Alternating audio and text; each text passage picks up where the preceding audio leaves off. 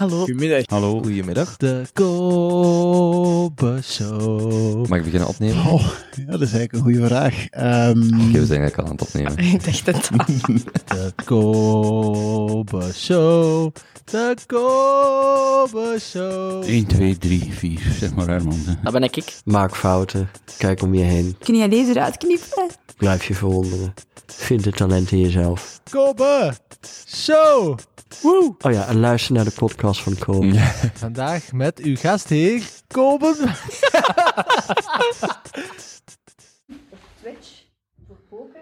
Mhm. Het is ook altijd met zo'n setting. Ik vind dat leuk om jezelf te horen, omdat je dan herinnerd wordt dat je mooi aan en moet praten. De, ja, de meeste mensen vinden het eh, een beetje angstaanjagend. eh, of, ik moet anders zeggen, de meeste, en we zijn gewoon begonnen. Hè. Eh, je mocht de microfoon zo iets dichterbij trekken. De meeste mensen vinden zo angstaanjagend of vreemd, omdat die zichzelf nog nooit eh, on the record hebben gehoord, of met een koptelefoon zo directe feedback.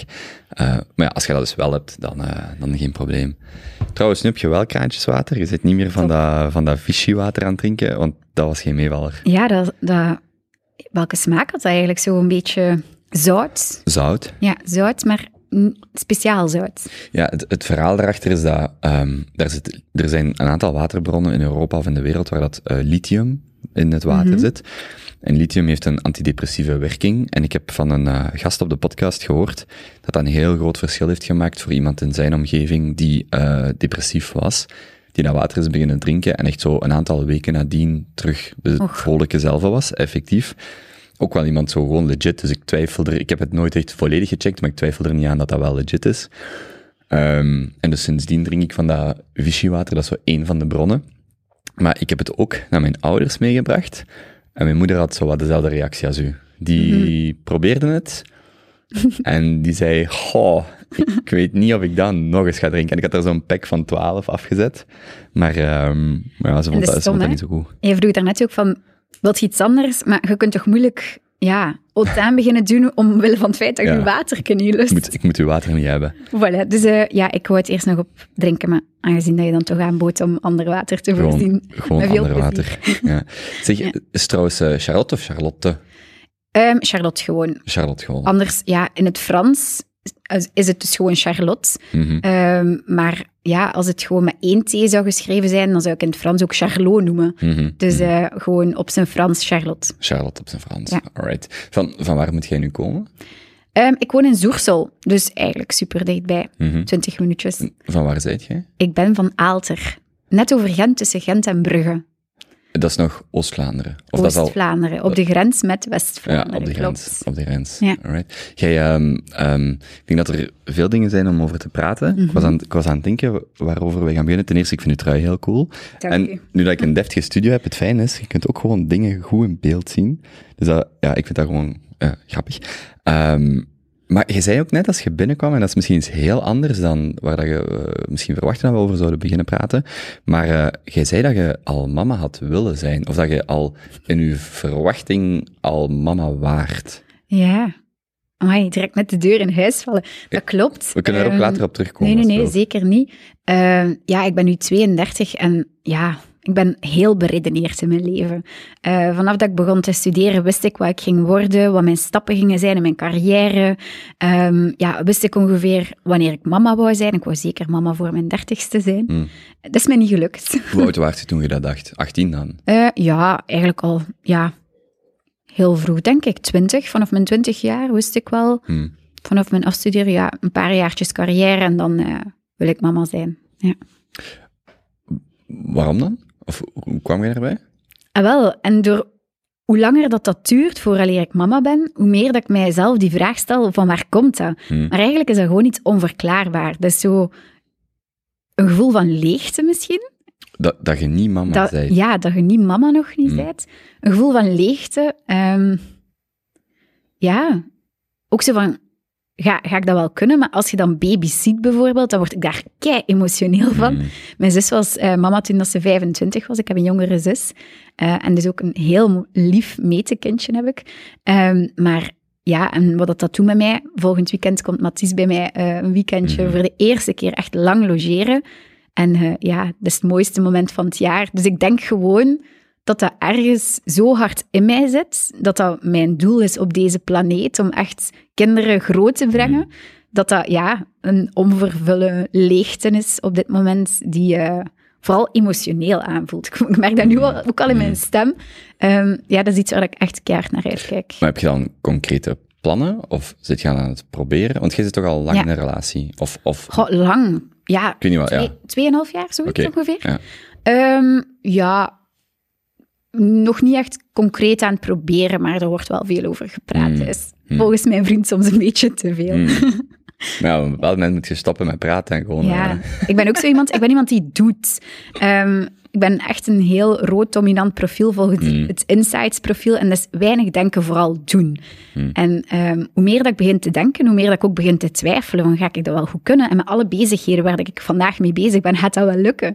Maar en ooit heeft er mij ooit iemand die, eh, iets gezegd van hoe jonger dat je mama wordt, hoe meer dat je kind gewoon op je rug zet. En weet je, dat kind moet met mee met de flow. Ehm, en vanuit dat idee denk ik ook van, oké, laat het maar komen. Ehm, ik fix het er wel tussen. Dat, waarom zou dit niet lukken? Als, als iedereen het kan, dan kan ik het zeker ook. wat, wat heb je trouwens gestudeerd? Ehm, ik ben begonnen met sociaal werk, omdat mijn papa... ehm, ja, mijn papa is hoogbegaafd. Een gigantische boekenworm ook. Wacht, zelfverklaard of effectief hoogbegaafd? Nee, effectief, Effectief, hoogbegaafd. hij, hij deed vroeger testen voor het leger, eh, Hmm. voor soldaten, want hij is psycholoog en ook journalist.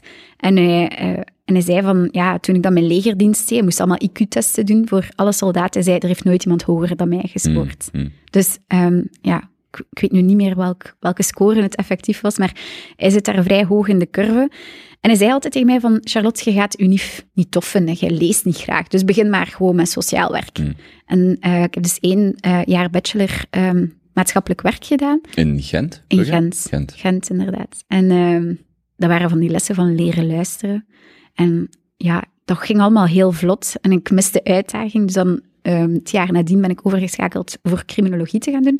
Want mijn droom, eh, dat klinkt misschien een beetje luguber, was eigenlijk altijd al om ehm zedenzaken bij kinderen te kunnen oplossen. Dat klinkt vooral heel specifiek. Ja, Niet heel specifiek. luguber, maar zo specifiek van, hm, waarom die zaak? Voilà, net zoals eigenlijk dat ik niet echt kan benoemen van waar die goesting kwam om zoiets te doen.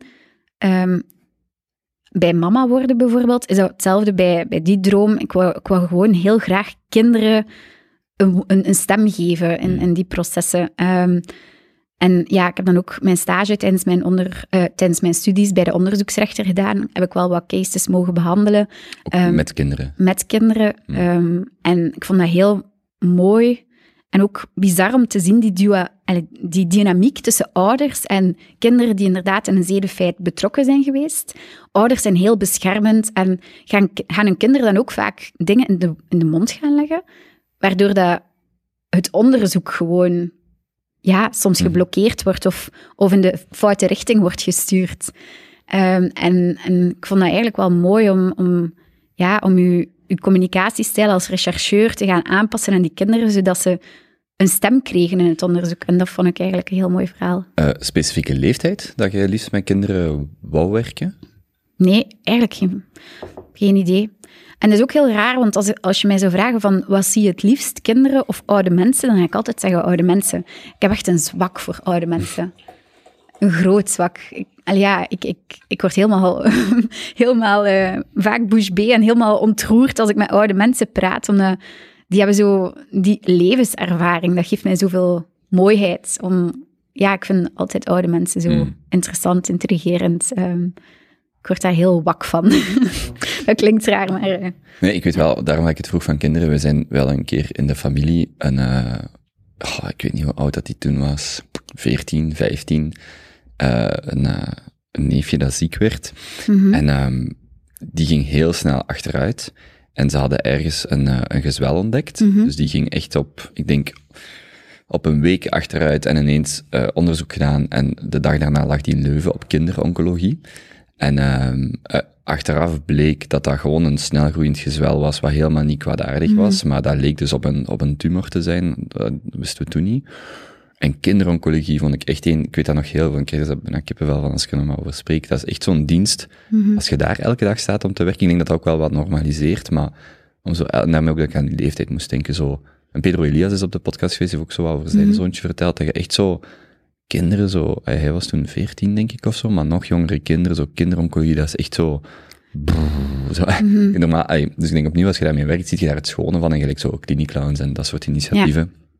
Maar om zoals buitenstaander op kinderoncologie binnen te komen, is echt, ik hoop dat je daar niet meer hoeft te komen, want dat is, daar Mhm. hangt zo'n bepaalde sfeer, zo'n bepaald, zo de hardheid van het leven, is daar vind ik heel, heel aanwezig, omdat je zo met volwassen mensen zo ergens kun je zo nog precies zeggen van, wat is uw eigen schuld, of je hebt er Mhm. zo'n aandeel in, maar zo een zesjarige dat daar zo kaal ligt aan de chemo, dat is echt zo, waarom heeft dat kindje daar, dat, dat kindje heeft daar niet, en ik weet- Mhm. Nee, nee, nee. ook voor volwassenen is het niet per se zo, maar bij die kinderen is dat precies zo nog krasser, dat je Mhm. denkt, maar wat heeft hij nu gedaan om dit te verdienen? Ja, helemaal niks. Mhm. Eh, ik vond dat wel heel, ja, heel kras, dat ik aan die Ja. leeftijd moest denken. Maar langs de andere kant, de harde dingen in het leven maken het leven. En dat klinkt heel tegenstrijdig, maar ook wel mooi. Waarom? Mhm. Ja, en misschien dat ik daar wel ook iets beter in ben dan de doorsnee mens, maar ik kan mij wel sterk houden in zo'n omstandigheden. Mhm. Bijvoorbeeld ook, ja, ik denk als ik in de recherche zou gewerkt hebben, dan, dan eh, ja, ging, dat, ging ik wel een knop kunnen uitzetten. Ehm, ja, om, maar inderdaad, onrechtvaardigheid, dat voel je daar dan, hè, in in zo'n omgeving, ongetwijfeld. Ja, Want wat ik ook wel op de weken nadat hij dan uit de gevangenis, ehm, gevangenis uit de, eh, eh, het ziekenhuis komt, is wel zo de weken dat je zo het meeste leeft. Want je beseft ineens van, ah ja, nee, het was toch oké, eh, we moeten er meer van genieten dan, eh dan ervoor. Sowieso. Sowieso. Ik vond, eh, als ik, als ik uw, uw bio checkte, ik had sowieso denk ik een week of drie, vier geleden in de tijd, want ik, ik heb zo, verlaatst voor iemand aan mij, was uw guilty pleasure, ik zo, goh, eigenlijk de weekendkranten, omdat aan de ene kant, zo de krant lees ik vraag me altijd af, hoeveel leert je daar nu echt van, en is dat wel mijn favoriete bron van informatie, maar aan de andere kant vind ik de weekendkranten wel altijd leuk. En eh, ik zag u dan samen met, ik denk nog twee personen of zo, Mhm. eh, gefeatured in, eh, in de tijd. Maar iets wat ik eigenlijk, want daar zullen we zelfs op terugkomen, maar iets wat ik nog veel, cooler vond misschien, is uw, uw, uw Counter-Strike verhaal. Dat vond ik echt wel, omdat ik zelf heel veel gegamed heb, vooral als ik jonger was, tussen mijn 13 en 17 of zo. Ehm, ook Counter-Strike, maar nooit op, op niveau. Vooral Battlefield 2. Dat was echt zo, Mhm, dat was mijn favoriet. Maar ik, ja, ik wou, ik wou je daar eens achter vragen, zo, wat dat die periode in je leven was, dat je eh, Counter-Strike begon te spelen en dan ook eh, als team eh, daarmee hebt ja, Ja. opgetreden, wou ik zeggen. Nee, ja, Ja, Een beetje wel ge- soms. gevochten, ge- opgetreden. Gevochten. Ja. Ja. Ehm, ja, dat was eigenlijk, goh, dat was eigenlijk een zalige periode, als ik daarover terugdenk. Ehm, ik ben daarin gerold eigenlijk door een vriendje dat ik toen had. Die, Hoe oud werd je? ik was denk ik 14 jaar, 14 zal het geweest zijn, 13 jaar misschien. Ehm, ja, der- 13,5 of zoiets. Ehm, en mijn eerste vriendje, die, ehm, ik had heel snel, op een heel jonge leeftijd al een vriendje, die speelde dus Counter-Strike en die ging heel af en toe weekends naar LAN-parties. En ik was een jaloerse trin en ik kon dat niet verdragen op dat moment dat mijn vriend in dat weekend geen tijd had voor mij. En ik wou dan altijd meegaan, hè. Dus ja, nu, nu op vandaag de dag is dat gelukkig helemaal, ben ik dat helemaal ontgroeid en eh, kan ik mensen alle ruimte geven die ze nodig hebben. Ik heb veel geleerd doorheen de jaren. Maar op dat moment wou ik dat gewoon zelf ook kunnen, vanuit, dat, vanuit die motivatie eigenlijk, van ik wil mee kunnen gaan naar die landparties. Ehm, en ben ik eigenlijk stiekem zelf dat spel beginnen spelen. Maar vanaf dat je ja, in zo'n competitief spel Hmm. terechtkomt en vanaf dat je een beetje competitief bent, dan wordt dat leuker en leuker. En ehm, ja, ik zou in principe wel kunnen durven zeggen dat ik wel verslaafd was, want ik had dat spel inderdaad ja, best wel nodig. Als ik op vakantie ging met mijn ouders, dacht ik, oh nee, vijf dagen zonder computer, zes dagen zonder computer en zo verder. Dat was voor mij een hel. Ehm, maar dat spel heeft ook heel veel positieve dingen gedaan. Ehm, dat heeft me heel mondig gemaakt, want vroeger durf ik nog niet naar de bakker gaan, bij wijze van spreken, om croissants te bestellen voor mijn ouders. Ehm, maar dat spel heeft me echt gewoon met mensen van heel de wereld leren connecteren, initiatief leren nemen. Want ja, we zaten wel in een unieke situatie als meisje, gamer. Er waren heel veel opportuniteiten. Eh, zeker op het niveau waar dat wij dan speelden. Ehm, ik had dan een all-female team, dat toch wel drie, vier keer per week echt vijf, zes uur oefende. echt met tactics die we uitschreven. Dat was echt, ik heb nog een, een map thuis liggen Hmm. met alle tactics helemaal zalig. omschreven. Van ja, dan eh, smijt Loesje een flash daar en dan, eh, dan ja, jij Hmm. koopt die eh, geweren, ik koop dit. jij doet ontmanteling. Allee, dus echt die tactieken, die waren tot in de puntjes uitgeschreven. Wa- Wat speelde je in Counter-Strike? 5 tegen 5? Ja, vijf. Ja. Vijf En, en ik, ik ken nog die ene, ja, ik, ik ken de naam van de mappen niet van Counter-Strike, maar er is zo één specifieke die ik mij zo heel eh, goed herinner. Maar ja, ik, ik, moet... De Dust, de Nuke, Inferno. eh, ik, weet, ik weet zo de wel, maar je speelt dus altijd, en natuurlijk Infantry only, maar dat is omdat van Battlefield 2 is er, zijn ze ook op een bepaald moment, was er een, eh, een patch of een mod, nee, ja, een patch, geen mod, ehm, dat je ook Infantry only kon spelen. Mhm. Daarmee maar in, Counter- want je, spreekt- je hebt toch Counter-Strike en Counter-Strike Pro of Zero, of hoe heet die andere? Of 1.6? Counter-Strike Go. Ik heb 1.6 beginnen spelen. Dan had je Source, eh, Counter-Strike Go, eh, Mhm. Global Offensive. Ehm, ik heb zelf nog een beetje Go gespeeld. Source niet echt. En 1.6. Ja, maar vooral 1.6 dan. Ja. Het ding is, als echte pro-gamer besef je het verschil tussen die twee versies. Tussen Mhm. bijvoorbeeld Source en, en, en 1.6. Dat, dat scheelde niet veel met de manier hoe dat je moest recoilen. Dus dat is hoe dat je kogels in de lucht gaan en, en hoe Mhm. dat je met je muis eigenlijk moet tegenwerken eh, voor headshots, headshots en eigenlijk goed te kunnen raken. Dat, dat zat helemaal anders in elkaar. Dus dat wil zeggen, als je goed was in 1.6, was je, moest je echt wel een grote aanpassing doen om goed te zijn in Source. Dus elke pro-gamer bleef gewoon liefst in zijn... eh, Maar is 1.6 ook niet gewoon het meest populaire altijd gebleven? dat denk ik wel. Dat is wat, het enige ding dat ik gespeeld heb van Counter-Strike. Dat was inderdaad een van de eerste... allee, Ja, nee, er waren er nog eerdere, maar dat was inderdaad wel een heel populaire versie. Hmm. Ja. Dus, maar de- dus je begint dat spelen op je veertiende, en wanneer wordt dat dan professioneler of serieuzer? Goh, ik heb daar nooit echt een paycheck voor gekregen, Mhm. voor alle duidelijkheid. Ehm, maar we hadden wel een, een team. We werden gesponsord. Wij, wij moesten eigenlijk nooit gear zelf betalen. Dus ik, kreeg, ik werd al, altijd helemaal in het nieuw gezet. ehm, zowel op vlak van kledij, maar ook gewoon... Ik kreeg altijd de nieuwste computers, de nieuwste Wie, wie headphones. Goh, we zijn door verschillende gesponsord. Onder andere Intel, SteelSeries. ehm ja, Dus wel de, de merken... Alternate. Ja. ja. Ah ja, dat vroeg ik mij af. Zijn het dan ook zo bedrijven gelijk Alternate en Ja. i3D en wat waren zo van die grote hosting of, of Ja. webshops? Of, Oké. webshops, inderdaad. Dus we werden gesponsord, maar ook onze reizen vooral. Hè. Onze ambities om mee te kunnen doen aan het wereldkampioenschap, die werden voornamelijk gesponsord. Eh, wij werden inderdaad onze vliegtickets naar hier en daar werden betaald. Dus dat was wel leuk als jong meisje. Ehm, Want je zit dan 16, 17 of zo. ja, inderdaad. Zalig. Ja. Speelt je nu nog? Nee, Totaal omdat niet. ik kan er niet tegen dat ik er nu niets meer van bak. Mm, mm. Dus ik, Hmm. ja, ik, ik word direct neergeknald en dat is gewoon niet fijn als je weet van waar dat je komt. Ehm, ja, het is, het is wel een spel dat je echt heel... Ja, dat je echt moet... Je moet het echt zien als een topsport ook. Mm. Ehm, ja, als Usain Bolt lange tijd niet gaat lopen, dan gaat hij ook na een lange tijd lopen terug weer heel teleurgesteld zijn in zichzelf, omdat zijn prestaties niet zijn wat dat ze waren. Bij mij is dat net hetzelfde. Dus ik ehm, heb dat inderdaad een beetje afgesloten, dat hoofdstuk. Ook gewoon, ja, er is op vandaag niet weinig mee te verdienen, laat het mij zo zeggen. Het is wel fijn, maar het is niet fijn als je het niet kunt. Je moet er eigenlijk al heel veel tijd in investeren om op een goed niveau te staan. En voor mij zijn er op vandaag de dag veel mooiere, veel leukere opportuniteiten Mm. op mijn pad gekomen die uh, mij bezighouden. Speelt je graag consolespellen? PlayStation? Oh nee, verschrikkelijk.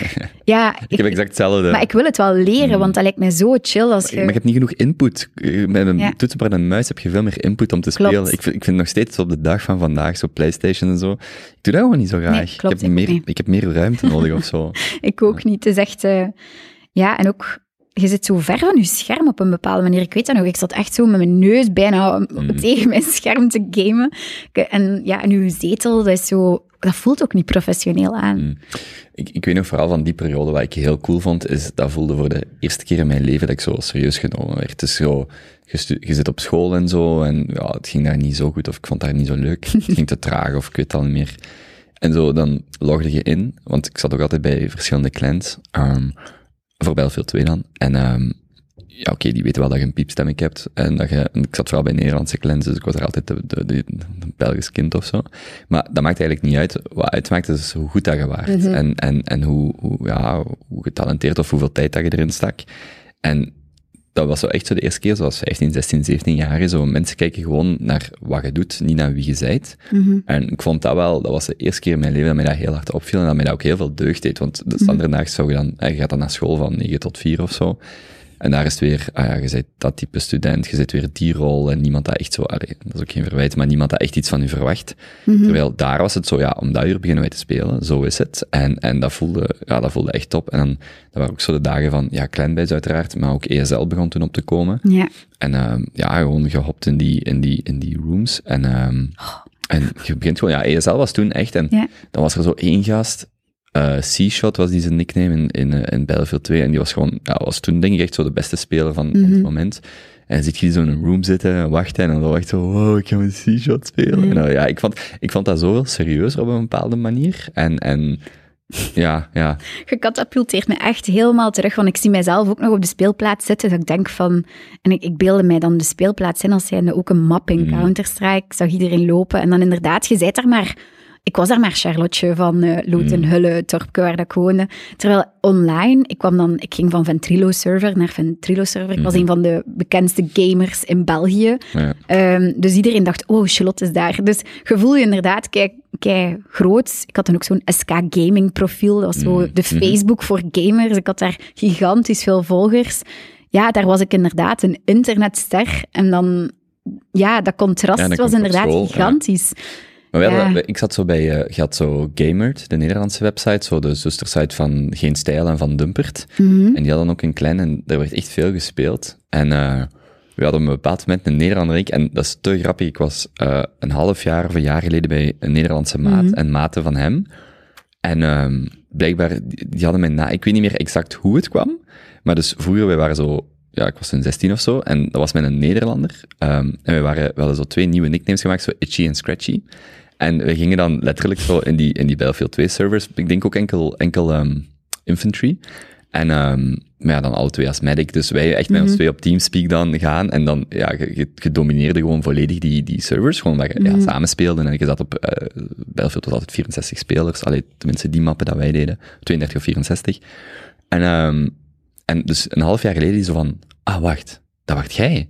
En dan die zo, ah, maar dat is die beste maat van mij. Die, die ook, die, die heeft mij eens verteld over Battlefield 2 dat hij met een Belg, zo was het. Die was dus met een, die heeft dus verteld dat hij tien jaar geleden of eh, 15 jaar geleden met een Belg in servers ging. En ik zo, hmm, heet die zo? Ik zo, en hij zo, ja, ik zo, ja, dat waren wij twee. Zalig. Dus dat is echt zo, dus binnen dat, dat microcosmos van Ja. dat spel, en zelfs denk ik, als ik nu nog zo mijn nickname zou zoeken, zo bij de Field 2 stats, terwijl het allemaal offline is, je ziet gewoon echt zo van, wauw, ik was daar gewoon meer waard, of daar werd ik hoger ingeschat, Ja. dan zo in mijn daytime ding. Zijn, Ja, dat is zo. zijn de school of familiefeestjes of weet ik veel wat. Zo voelde dat voor mij altijd.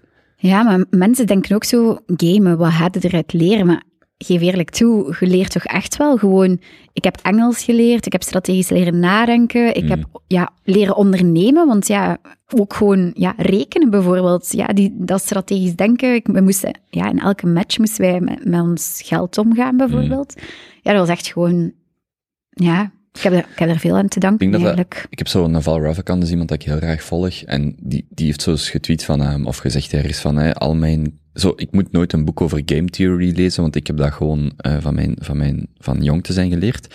En ergens denk ik zo van, ja, dat is voor mij hetzelfde, maar het is gewoon in het echte leven, ziet je niet, is dat veel moeilijker om zo, hè, wat is dan speltheorie, en wat, is, wat zijn incentives, en hoe, terwijl ik dan zo daaraan terugdenk van die, die periode, en ik heb dat nooit echt op hoog niveau gedaan, behalve zo- zo'n Europees kampioenschap, maar ehm, ja, dat was echt wel, ik vond dat zo stimulerend als kind, om, om dat te doen, en ik kon daar, ik daar nu over nadenk, ik zat dus ook effectief 6, 7, 8 uur per dag te spelen, maar dat voelde stimulerend, dat voelde niet van, nou, ik moet hier weg, allee, ja, ik weet niet, ik vond dat, ik vond dat een zalige periode in mijn leven. En dan Ja. tot mijn 18 dan ben ik op uitwisselingsproject geweest, alles verkocht, en eigenlijk nooit dat terug opgepikt, want dan probeerde ik dat nog eens, en dan was dat echt zo, Yo, vroeger kon ik in die chopper zo snel switchen en dan met die telegeleide Voilà. En nu, nu lukt dat gewoon niet meer. En Zie, dan jaag mij op en ik ja. stop gewoon. Zo na een half uur, stop gewoon. Het enige Same. wat ik nu nog kan spelen is zo singleplayer, zo story-driven, Mhm. maar multi, ik kan dat gewoon niet meer. Nee, vroeger won ik tegen bots en won ik tegen cheaters en noem maar op. Mm. Maar nu ja, lukt het allemaal niet meer en dat is zodanig frustrerend dat je denkt van... Dit is ook gewoon tijdsverspilling. Ehm, ik denk als ik zelf kinderen ga hebben, ga ik ze ook wel proberen... Ik weet het niet. Dat is eigenlijk een goede vraag of ik ze zou opnieuw hetzelfde parcours laten doen dan mij. Want ik heb er wel veel uit geleerd, maar In, in de veronderstelling dat je daar controle over hebt. ja, inderdaad. Ja, sorry, zeg maar. Ik denk gewoon, het was ook het was heel leuk, ik heb er veel uit geleerd, maar ik had het ook allemaal kunnen leren in de helft van de tijd. Ik heb er wel te veel tijd aan gespendeerd. Dat wel, denk ik. Ik denk vooral zo, moest mijn kind, moest, ah, ik heb geen kinderen, maar moest hij daar serieus interesse in hebben? Ik denk wat ik miste, is één, maar dat is ook gewoon de tijdsgeest dat dat serieuzer genomen werd.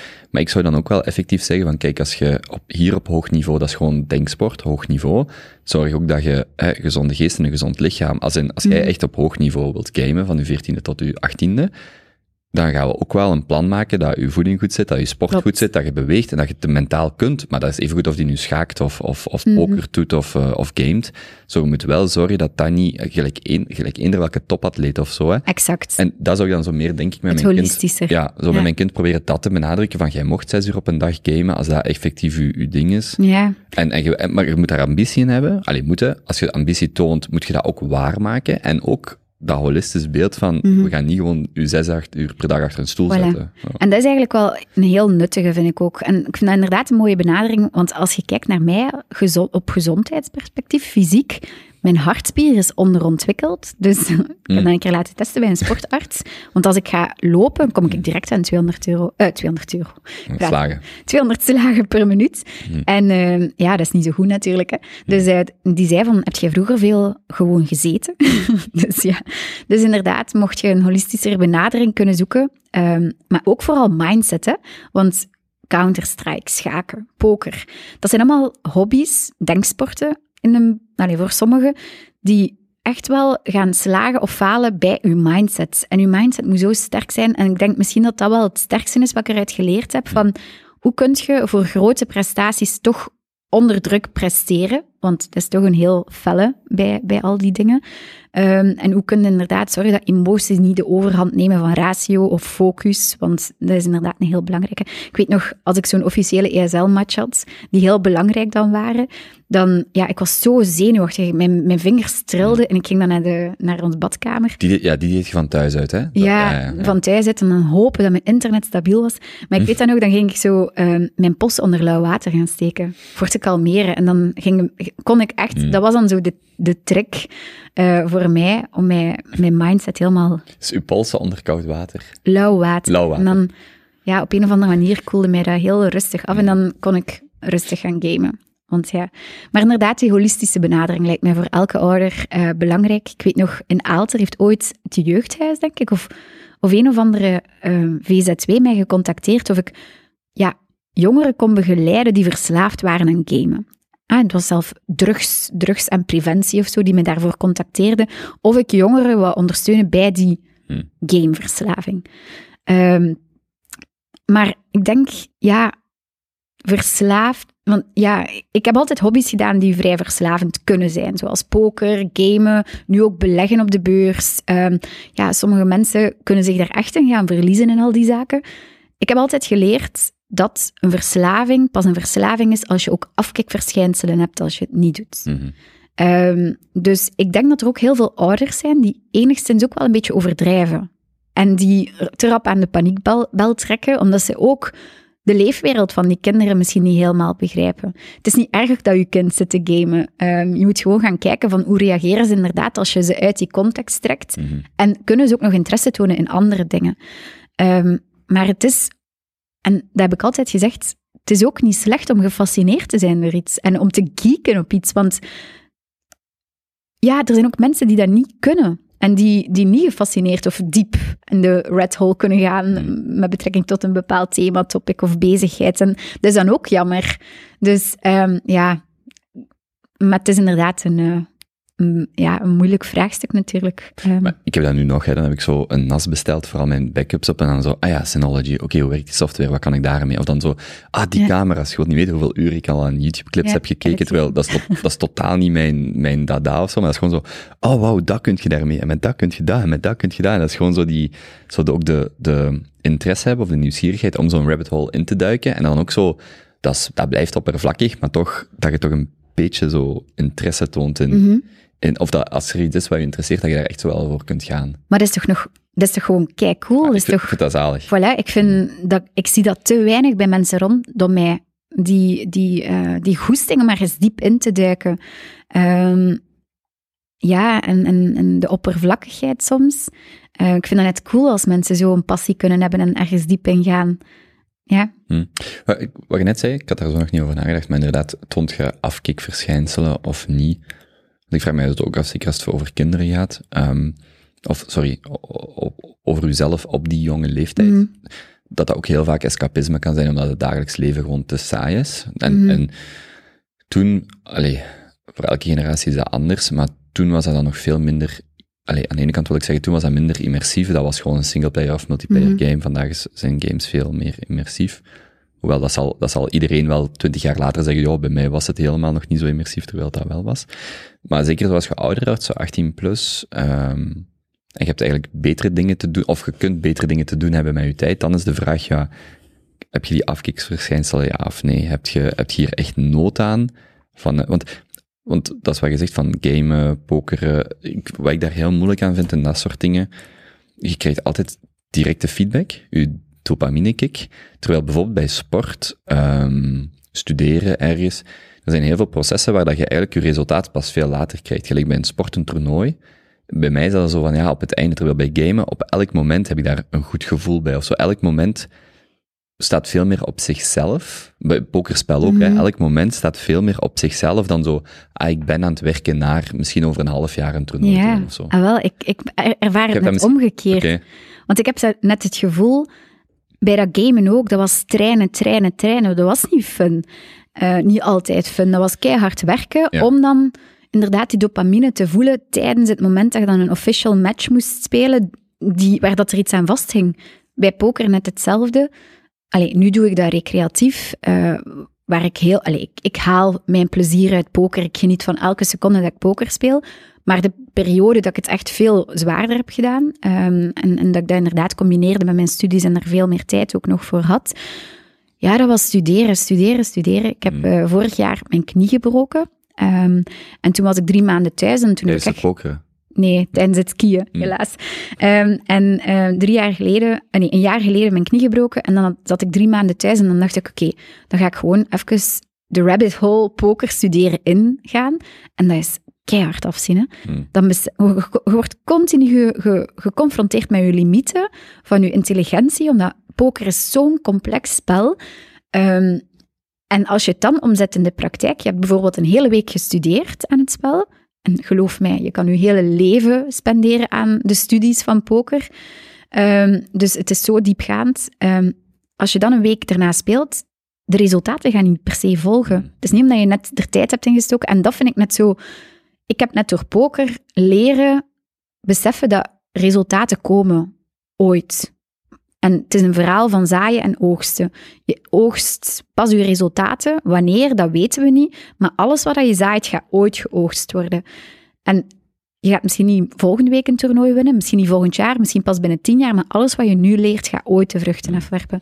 En dat vind ik eigenlijk net... Het is, ja, het is toch wel... Allee, op, het hangt er een beetje vanaf op welk niveau dat je het speelt natuurlijk. Als ik een Mm. spelletje met vrienden speel, ehm, dan is dat gewoon fun en, en dan kan er een pintje Ja, of... eh, dat voel ik mij nog af. Nodig je vrienden, bij poker ook soms met maat, en dan denk ik, oh, ik weet niet of ik iemand als Charlotte zou uitnodigen. Die, ja, doen, ik vind dat kei tof. Oh nee, die speelt ons gewoon allemaal naar huis. Mm, Dat valt wel mee. En dat is ook wel mooi. Dus het spel poker heeft echt zo die dualiteit. Hè. Dat gaat over Mm. geluk, maar ook over, over skill. Maar eh, ja, ben ik een top pokerspeler? Mijn vriend bijvoorbeeld, die ja, kan toch wel zeggen dat dat een van de beste, misschien wel de beste pokerspeler in België is geweest. Dat was ook lang zijn beroep. Ehm, ja, als ik daar tegen speel, die, die speelt mij onder tafel. Maar dan nog, ik kan nog altijd winnen door Mm. het kanselement in het spel. Wa- Wacht, hoe, hoe meet je trouwens, of hoe weet je of iemand ik zeg maar, bij de betere spelers is, gaat dat dan om, die heeft zoveel potten gewonnen? Want eh, je kunt intrinsiek Mhm. zeggen van, die is gewoon, die ziet dingen dat anderen niet zien. Maar ergens moet je dat dan toch ook hiërarchisch kwantificeren? Die heeft dan Ja. gewoon bepaalde potten gewonnen of, of Alles in, ja, alles in poker draait eigenlijk om volume. Als je één toernooi hebt gespeeld, eh, een slechte en een goede speler naast elkaar, één toernooi, hetzelfde toernooi hebben gespeeld, dan kunnen we niet gaan bepalen wie is de beste. Want de ene gaat meer ehm, ja, geluk hebben dan de andere en ja, de slechtere speler kan winnen. Het gaat echt over volume. Op lange termijn, wat is iemand zijn ROI, Return on Investment? Ehm, bijvoorbeeld bij Pieter weet ik dat hij aan een 30% ROI makkelijk gaat geraken. Dus voor elke 1000 euro dat hij investeert, op lange termijn gaat hij 300 euro winst hebben. Mm. En ehm, bij mij zal dat misschien break-even nog maar zijn. Trouwens, is ook een, een grote eh, ver- allee, verkeerde inschatting. Het is niet makkelijk om winstgevend te zijn in poker. Mm. Ehm, dus ja, ehm, daaraan kan je het zien. Maar er bestaan ook vandaag de dag zodanig veel tools, computerprogramma's die echt gaan berekenen, run je onder EV of boven EV, dus onder expected value, under eh, expected value. Heb je dus meer geluk dan dat je zou moeten hebben, of net Mhm. minder. Dus ik, ik speel ook vaak met trackers die al mijn data bijhouden, die dan ook mij een analyse achteraf kunnen laten doen van oké, deze sessie heeft niets opgebracht, maar was dat omwille van het feit dat ik niet goed heb gespeeld of om het feit dat ik inderdaad wat minder geluk had? Maar van alle potjes die gespeeld zijn, dan 99% online. Ehm, Gespeeld hadden nog fysiek. Ja, op vandaag met corona helaas is het Hmm. iets minder fysiek. Nu, als ik online eh, speel, speel ik dus op GG Poker, mijn huidige sponsor. Ehm, live ga ik soms ehm, ja, nog naar casino's of... ehm, dat is wel leuk. Als ik de wereld rondreis, er zijn overal, in Hmm. elke stad is er een casino. Zeker met mijn vriend, we zijn alle twee pokerspelers. Dus dat is wel een leuk uitje. Als we bijvoorbeeld naar Barcelona gaan, dan gaan we sowieso een keer het casino binnen, spelen we daar een toernooitje samen. En dan is het, schat, ik zie je wel vanavond op de hotelkamer, hè. good luck, als ik eh, bust. Jullie spelen wel niet samen of zo? Of je gaat niet aan, de, aan dezelfde tafel zitten? Ehm, nee, ja, we zijn beide toernooispelers ook voornamelijk. Mm. Ehm, nu, we kennen elkaar nog niet super lang, twee jaar, twee coronajaren eigenlijk bijna. Ehm, maar als we een toernooi gaan spelen, dan is dat gewoon letterlijk, we spelen samen een toernooi en als hij bust, ehm, dan gaat hij naar de hotelkamer en omgekeerd. Ehm, Wie gaat er vaak het eerst naar de hotelkamer? ik. ja, ongetwijfeld. Plus, ja, mijn vriend en ik spelen ook wel sowieso andere limieten. Die speelt veel hoger dan ik. Mm. Ehm, maar ja, nu door, door inderdaad de andere uitdagingen die er op ons pad zijn gekomen, is hij ook wel iets minder aan het pokeren nu. En eh, ik, ik speel wel nog geregeld, gewoon omdat dat voor mij in mijn druk leven, poker is iets waar ik echt mindful in kan zijn. Ik vind dat gewoon een spel waar ik even terug tot mezelf kan komen. Ehm, en dat, ja, dus ik doe het e- eerder als ontspanning, recreatief op vandaag de dag, eh, dan hoe dat ik het vroeger benaderde, waarin dat ik echt ja, de beste ter wereld wou Hmm. worden, bij wijze van spreken. Want dat is dan, je zei net, Counter-Strike is dat nooit geweest, maar poker is wel een tijdje je professionele activiteit geweest. Of semi-professioneel. Nooit professioneel, ehm, want ja, je bent professioneel als je er je hoofdinkomen uithaalt. Ehm, ik heb wel altijd een contract gehad ehm, met verschillende po- pokersponsoraars, eh pokerbrands dus. Ik heb de wereld kunnen rondreizen, mijn kosten werden betaald, maar het is niet dat ik er een vast inkomen uit haalde. Ehm, dus pro- professioneel kan je het niet zeggen. Ik heb nooit gezegd, ik heb er nooit een BVBA of een, of een iemandzaak voor opgemaakt en gezegd van kijk, ik ben hier nu professioneel pokerspeler, dat is het enigste wat ik ga doen. Ehm, zo is het nooit gegaan. Ik heb eigenlijk altijd recreatief wel voor heel veel wat brands PR gezicht geweest. Mhm.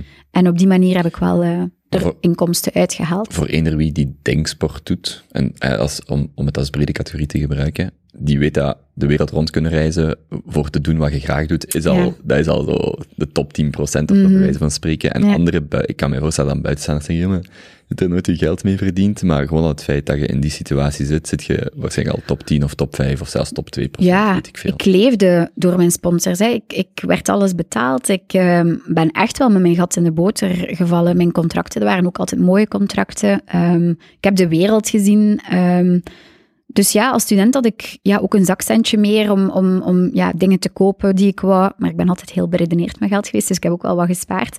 Maar dat wil wel gewoon zeggen, ja, het was niet mijn fulltime job, want ik was altijd hoofd, als hoofdberoep eigenlijk student. En vanaf, dat is wel een mooie anekdote. Ehm, ja, ik had een mooi contract, zoals ik al zei. En eh, het moment dat ik afstudeerde, dus ik heb, ah ja, ik heb criminologie gedaan, maar daarna heb ik ook nog een master bestuurskunde en public management bijgedaan, omdat ik eigenlijk nog niet wou stoppen met poker.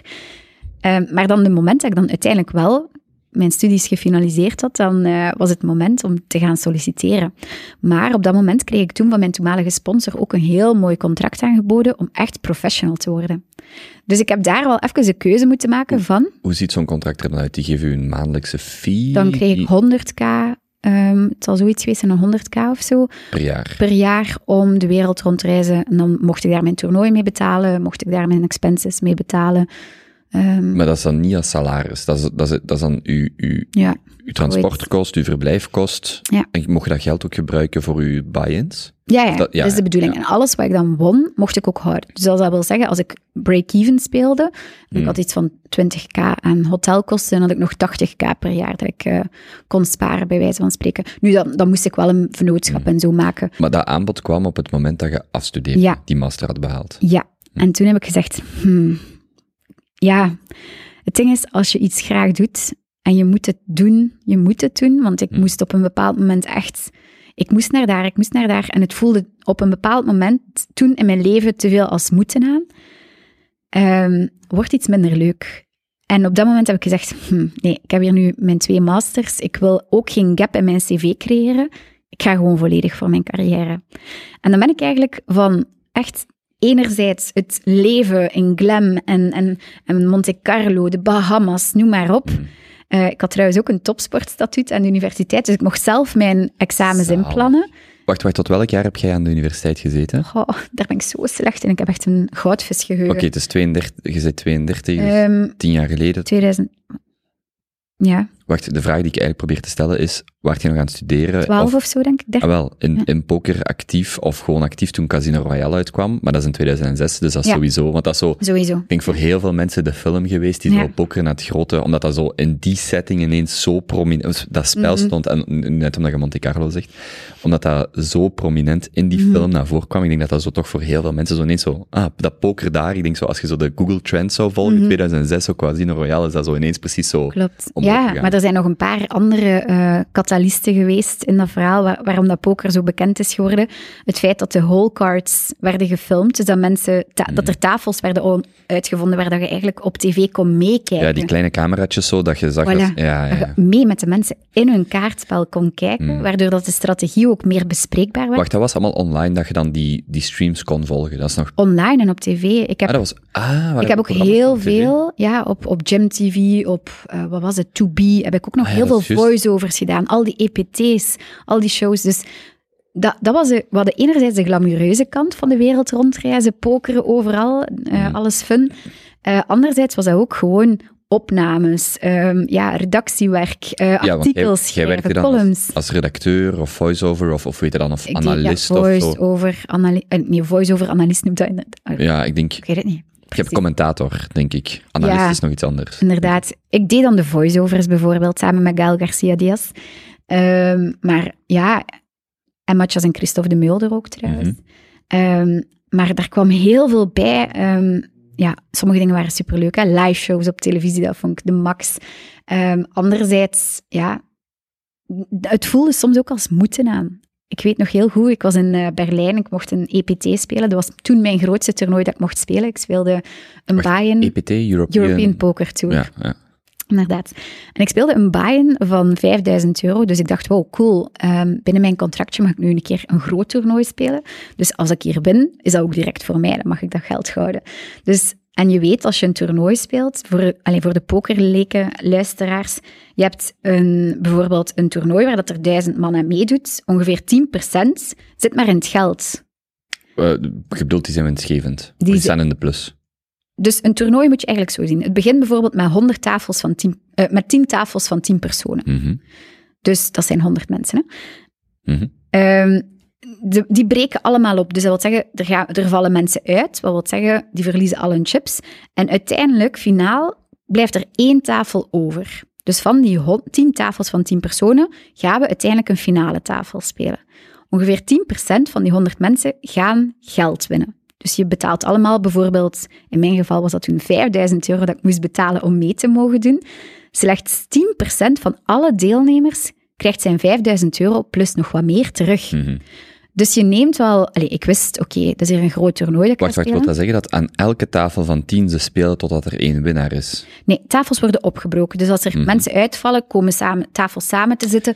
Dus de Dus je floor zit altijd met tien man aan een tafel met aantal tafels, of eh, nee, Ja. niet altijd, maar in principe de tafels blijven gevuld, maar van tien volle tafels gaat je naar acht, naar zes Exact. en uiteindelijk naar één Voilà, volle exact. tafel. Ja. En meestal, in de meeste toernooien speel je met negen à acht man aan een tafel. Maar ik zeg het nu Mhm, even om het mhm. Te maken.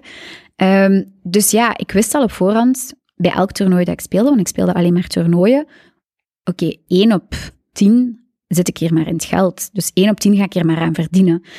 Dus dat is wel mentaal ook een zware strijd. Ehm, maar ik was heel goed doorzetten, ehm, heel rustig. Ik, en daarom, dat zijn ook die EPT's voornamelijk, die European Poker Tours, dat zijn toernooien van vijf dagen aan elkaar, dat je van 12 uur beginnen tot twee uur s'nachts of zo Mm. gefocust moet gaan spelen. En ik kan u zeggen, als je één of twee foutjes maakt en mentaal er even niet bij bent, dan zijt je je stek, je chips kwijt en dan mocht je gewoon gaan douchen. Bij, ja, of, of naar je hotelkamer, dan is het gedaan. En dat is leuk als je op leuke locaties zit. Dat is minder leuk als je op minder leuke locaties zit. In ieder geval, dus het was wel echt ook op sommige manieren werken. Want ik heb ook echt op minder leuke locaties gezeten. En dan zit je ergens in Dublin in een hotel en dan heb je daar niets te doen. En als jong meisje, al je vriendinnen zit, zijn aan het uitgaan in Gent. En ik zat daar dan alleen op hotel een boekje te lezen. Of, allee, ja. Dus soms voelde het ook echt als werken. Nu, ik ben even mijn draad kwijt uit het verhaal. Dus enerzijds Glam, ehm, ah ja, EPT. EPT Berlijn. En ik weet dat nog, ehm, ik moest dan dat toernooi spelen. Ik zat, en mijn mama was voor de eerste keer... Nee, ze ging vaak mee met mij eh, op trip. Omdat, ja, als jong meisje, ik vond het wel leuk om niet alleen te moeten gaan reizen. Toen 223 wacht ik toen. Ja, inderdaad. Maar ik vond het wel leuk dat mijn mama erbij was. Dus ze was in Berlijn. En ehm, zij ging dan de stad gaan verkennen. Ehm, en ze, ik zei altijd tegen mijn mama, ik stuurde haar een berichtje. Mama, ik ga hier waarschijnlijk eh, snel uit dat toernooi liggen, want ik heb nog maar tien big blinds. Dus ze bleef altijd zo'n beetje rond dat casino hangen. Maar uiteindelijk haalde ik dag één, haalde ik dag twee, haalde ik dag drie. En uiteindelijk heb ik dat toernooi dan ook wel gecashed. Ik denk dat ik een 69ste plaats heb behaald. En dat was toen voor 13.000 euro. Maar voor mij was dat, wauw, cool, mijn grootste cash ooit. Ehm, en dat was ook geld dat ik gewoon op mijn spaarrekening kon zetten. En voor een 23-jarige student is dat wel nu niets. En ik weet dat nog, ik kreeg een berichtje van mijn manager, Bram Kops. Ehm, en die stuurde... Hey Charlotte, nu moet je ehm, ook nog het ladies event gaan spelen. En ik dacht, oh nee, nu nog spelen. Ik wil even een keer gewoon met mijn mama de stad in. Dus er waren wel moedjes aan mijn contract ook. Ik moest ook dingen doen, ik moest artikels schrijven en ik deed dat allemaal graag. Maar inderdaad, als je zo jong bent en je hebt nog niet echt in een fulltime job gezeten, dan ben je een beetje verwend en dan denk je dat, dat moeten niet bij een job hoort. En eh, op die manier heb ik dan eigenlijk, toen ik afgestudeerd was, beslist om poker te laten voor wat het was. Zonder te beseffen, want dan ging ik naar mijn eerste job en dat was echt een 9-to-6 job. Hm. Verschrikkelijk. Toen dacht ik, oh, ik heb hier de verkeerde beslissing gemaakt. Ik, ik zat daar zonder contract. Eh, ik had een heel mooi contract laten schieten. Ehm, heel mooie kansen laten schieten. En ik merkte eigenlijk ook wel, mijn schrik was, ik heb- ben een angstig persoon. En ik had altijd schrik, ik ga nooit een job vinden. Ehm, zeker ook omdat, ja, met dat pokeren, zeker, ja, heel veel mensen in mijn familie vroegen, zei jij daar niet verslaafd aan? En is dat wel slim dat jij dat doet? En ga jij wel een job krijgen als pokerspeler? Dat is toch een slecht imago dat jij hebt?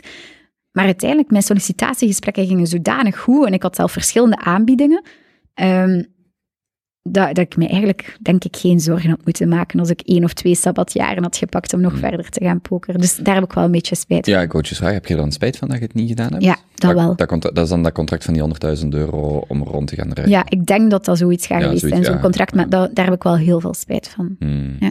Waarom? Omdat dat u ook wel anders in het leven zet. Ehm, zoals ik al zei, ik ben een vrij angstig persoon. En ik denk, als ik de wereld was gaan rondreizen, dan had ik ook wel een betere money mindset misschien gehad. En had ik ook wel dingen beter leren loslaten. Want ik heb eigenlijk gekozen voor een vaste job omwille van zekerheid.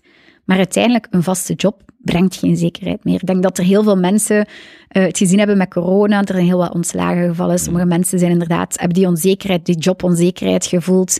Het is niet omdat je een vast contract hebt dat dat zekerheid biedt. Er kan nog alles, van alles gaan, kan misgaan. En ik ben altijd iemand die mijn leven wilt plannen en zoveel mogelijk controle wilt hebben, maar eigenlijk moet je soms gewoon leren loslaten. En dat had ik eigenlijk op dat moment moeten doen en gewoon Hmm. de wereld in moeten gaan. En dat had mij een rustiger persoon gemaakt, denk ik. In die situatie, als het 100.000, of ik kan nu gewoon 100 zeggen, maar wat het bedrag ook was, ehm, wat in principe geld van iemand anders is, wat bij werkgever ook zo is, hè. Je job is ook geld van iemand anders, wat jij dan verdient, Ja. of wat je krijgt, hopelijk Mhm. ook verdient. Ehm, dat je dan misschien eh, in mijn hoofd precies beter kunt dissociëren tussen wie jij bent als persoon en wat je doet, en dan de financiële consequenties. Bijvoorbeeld, als jij een pot verliest van 5000 euro, of, of een buy- buy-in van 5000 en je verliest alles, ja, je hebt misschien gewoon pech gehad, maar dat maakt niet van u een dom, slecht persoon, terwijl, ehm, de- ik kan me voorstellen dat dus die situatie een goede oefening is, terwijl ik kan me voorstellen dat er ook heel veel mensen zijn die als die morgen ontslagen worden op hun job, zich echt gewoon slecht voelen, omdat die nooit of niet voldoende eh blootstelling hebben gehad aan situaties waar dat hun geld ehm, of hun vermogen losgekoppeld is aan een identiteit. Dan is het meteen, oh, ik ben ontslagen en wat nu en nu.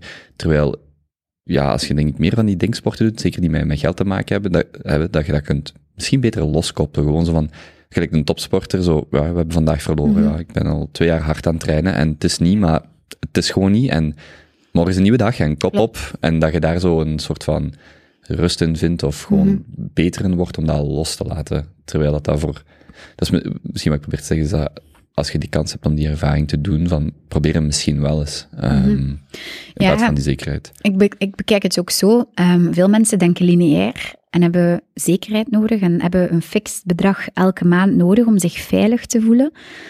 Maar dat is eigenlijk denk ik ook het verschil tussen mensen die durven springen en mensen die in hun vaste job zitten. Ondernemers, die hebben helemaal geen zekerheid. Ehm, ja, ik praat met heel veel startende ondernemers en die, die moeten gewoon soms denken van oké, ik ga ervoor, we zullen wel zien wat dat hier gaat opbrengen. En dat gaat misschien een keer een maand 10.000 euro zijn, dat gaat misschien een keer een maand 0 euro zijn. Maar die moeten die dat lineair denken loslaten. En ik wou die zekerheid en ik dacht dat dat zat in dat lineair inkomen. Maar eigenlijk gaat het vooral over, en dat merk ik nu ook, ehm, dat ik inderdaad ook wel naast mijn fulltime job aan het ondernemen ben, hoe meer energie dat je erin steekt, hoe meer dat er terugkomt naar u.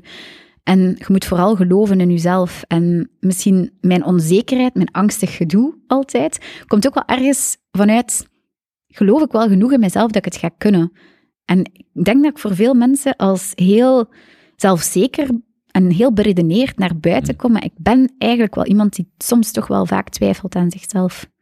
Waardoor ik angstig ben en eerder voor zekerheid ga kiezen dan voor, eh, dan voor ja, gewoon ervoor gaan en waarschijnlijk tien keer zo hard knallen dat ik voor de zekerheid zou kiezen. Maar eh, ja, het is wel eh, een boeiende introspectie als ik eh, me die vraag stel van, van waar- waarom zijn mensen eigenlijk, allee, waarom ben ik überhaupt zo angstig om bepaalde stappen te nemen? Hoe, hoe rolt je dan van gestudeerd af? Je, doet, je weigert de aanbod, het pokeraanbod, je begint te werken, valt niet zo mee. Je begint uiteindelijk ergens, je hebt je vaste job uiteindelijk.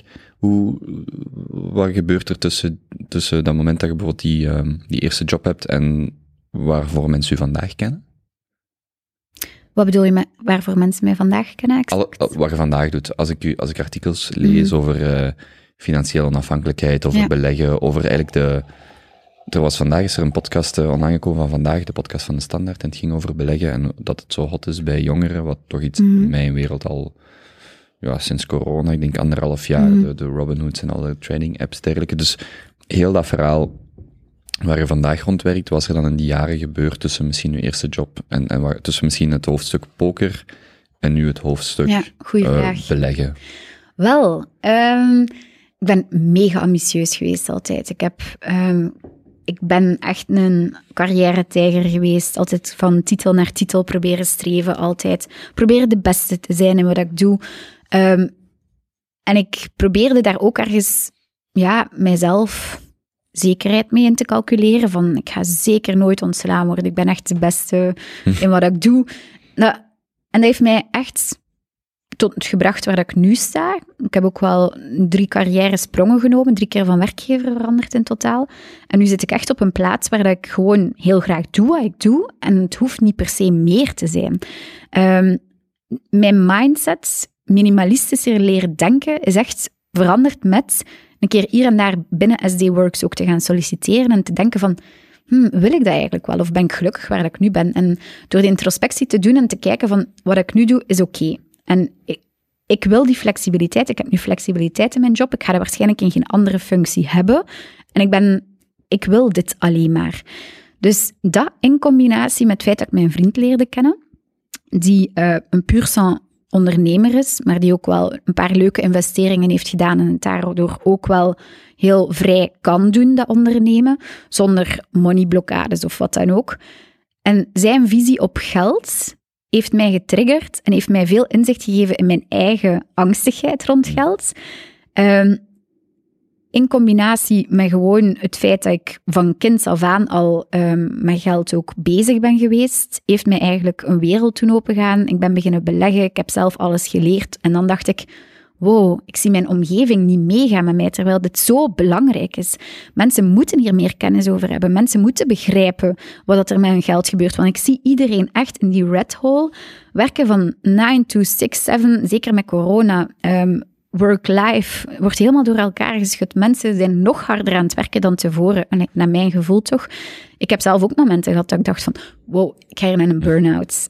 Hmm. Um, ik denk, ja, Frederik bijvoorbeeld, Frederik uh, VG van Grootel, um, de, stief, allez, de stiefbroer van mijn vriend, die, uh, die zei dat ook van, Charlotte, je gaat naar een burn-out. En dat was zo'n confronterend moment dat ik dacht van, wow, inderdaad, misschien moet ik het wel rustiger aandoen. Ik ben hier maar aan het werken en aan het werken en aan het werken.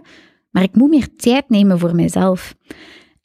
En mijn vriend heeft mij dan ook laten inzien dat tijd uw kost, kostbaarste goed is. En sinds dat die frank is gevallen, ben ik echt gewoon veel bewuster, minimalistischer gaan omgaan met mijn tijd ook op een bepaalde manier. En, en dat als eerste kostbaarste goed gaan plaatsen. En op die manier gaan nadenken van hoe kan ik inderdaad mijn geld voor mij laten werken? Hoe kan ik mijn leven kwalitatief indelen? Zodat ik inderdaad mijn leven to the fullest kan leven. Want hoe dat ik nu bezig ben, ik ga misschien inderdaad een carrière-tijger zijn. Maar mijn uitgaven zijn ook aan, gigantisch aan het meestijgen. Ik heb een gigantische levensstijlinflatie. Hoe meer dat ik verdien, hoe meer dat ik uitgeef dat gaat op een bepaald moment alleen maar tegen mij keren, want ik ga tot mijn 67 moeten werken nu dat ik nu bezig ben. Terwijl, Charlotte, oh, sta stil en kijk naar waar je mee bezig bent en doe het rustiger aan en, en plan beter en dan ga je, ga je waarschijnlijk binnen tien jaar wel al op pensioen kunnen. Hmm. Dus ik heb voor mij gewoon de situatie gekneed, ge, ja, ge, getekend, zodat ik inderdaad vooral die tijd krijg.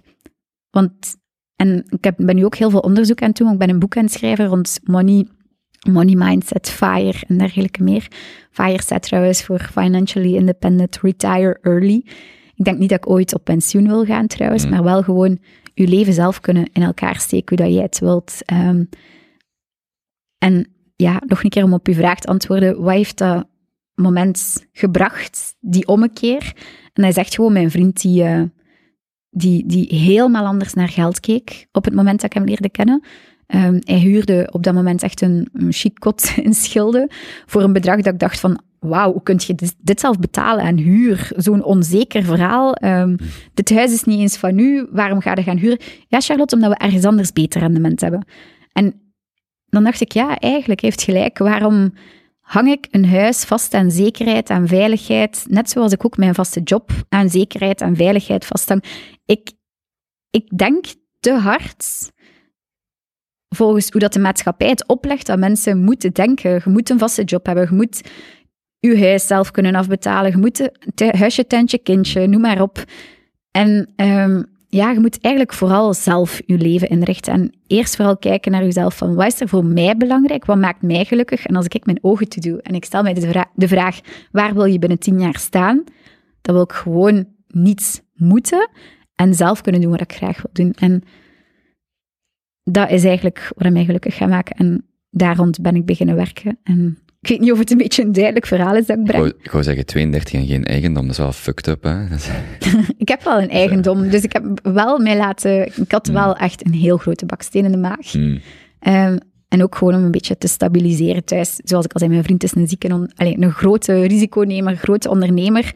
Maar je moet dan ook wel, zeker als je ook graag kinderen wil, toch wel een beetje stabiliteit proberen te voorzien. Dus ik heb wel... eh, Maar er is een verschil tussen dat traject eh, afleggen voor jezelf en die, en die prioriteiten ehm, in orde krijgen Mhm. of op orde krijgen en dan ermee naar buiten komen. Ja. Of dat nu slim sparen is of vandaag als een van de, ik weet niet hoeveel panelleden Mhm. leden in de beursrally zitten. ja, klopt. Want dat is dan wel nog, een- ik denk dat ik al een parallel zie met Counter-Strike en met poker. Je zit wel altijd bezig geweest, niet louter met het spel zelf, Mhm, of de puur inhoudelijke, maar ook de vorm er rond. mhm. Ehm, of, het, of het naar buiten brengen van bepaalde dingen. Want dat is dan wel een bewuste keuze om daarmee naar buiten te komen, om er een boek over te schrijven. Bij gamen totaal niet. Dat kwam gewoon. Ik heb ma- media-aandacht gekregen omdat ik een meisje was. Eh, bij poker, ja, dat was wel van in het begin wel zo. Ik had een rol... en Ik ben beginnen poker door een pokersponsor en die heeft mij wel direct ook in de media gebracht. Dus dat was ook wel vrij bewust.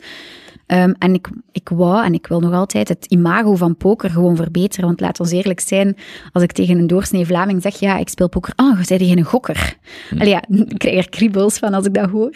Ehm, maar bij dat beleggen denk ik gewoon echt voor de eerste keer in mijn leven: wow, ik kan mensen hun leven hiermee veranderen. En kan mijn ervaring en mijn beknopt, beperkt denken, als ik het deel met mensen, en ze kunnen zelf ook meer out of the box leren denken.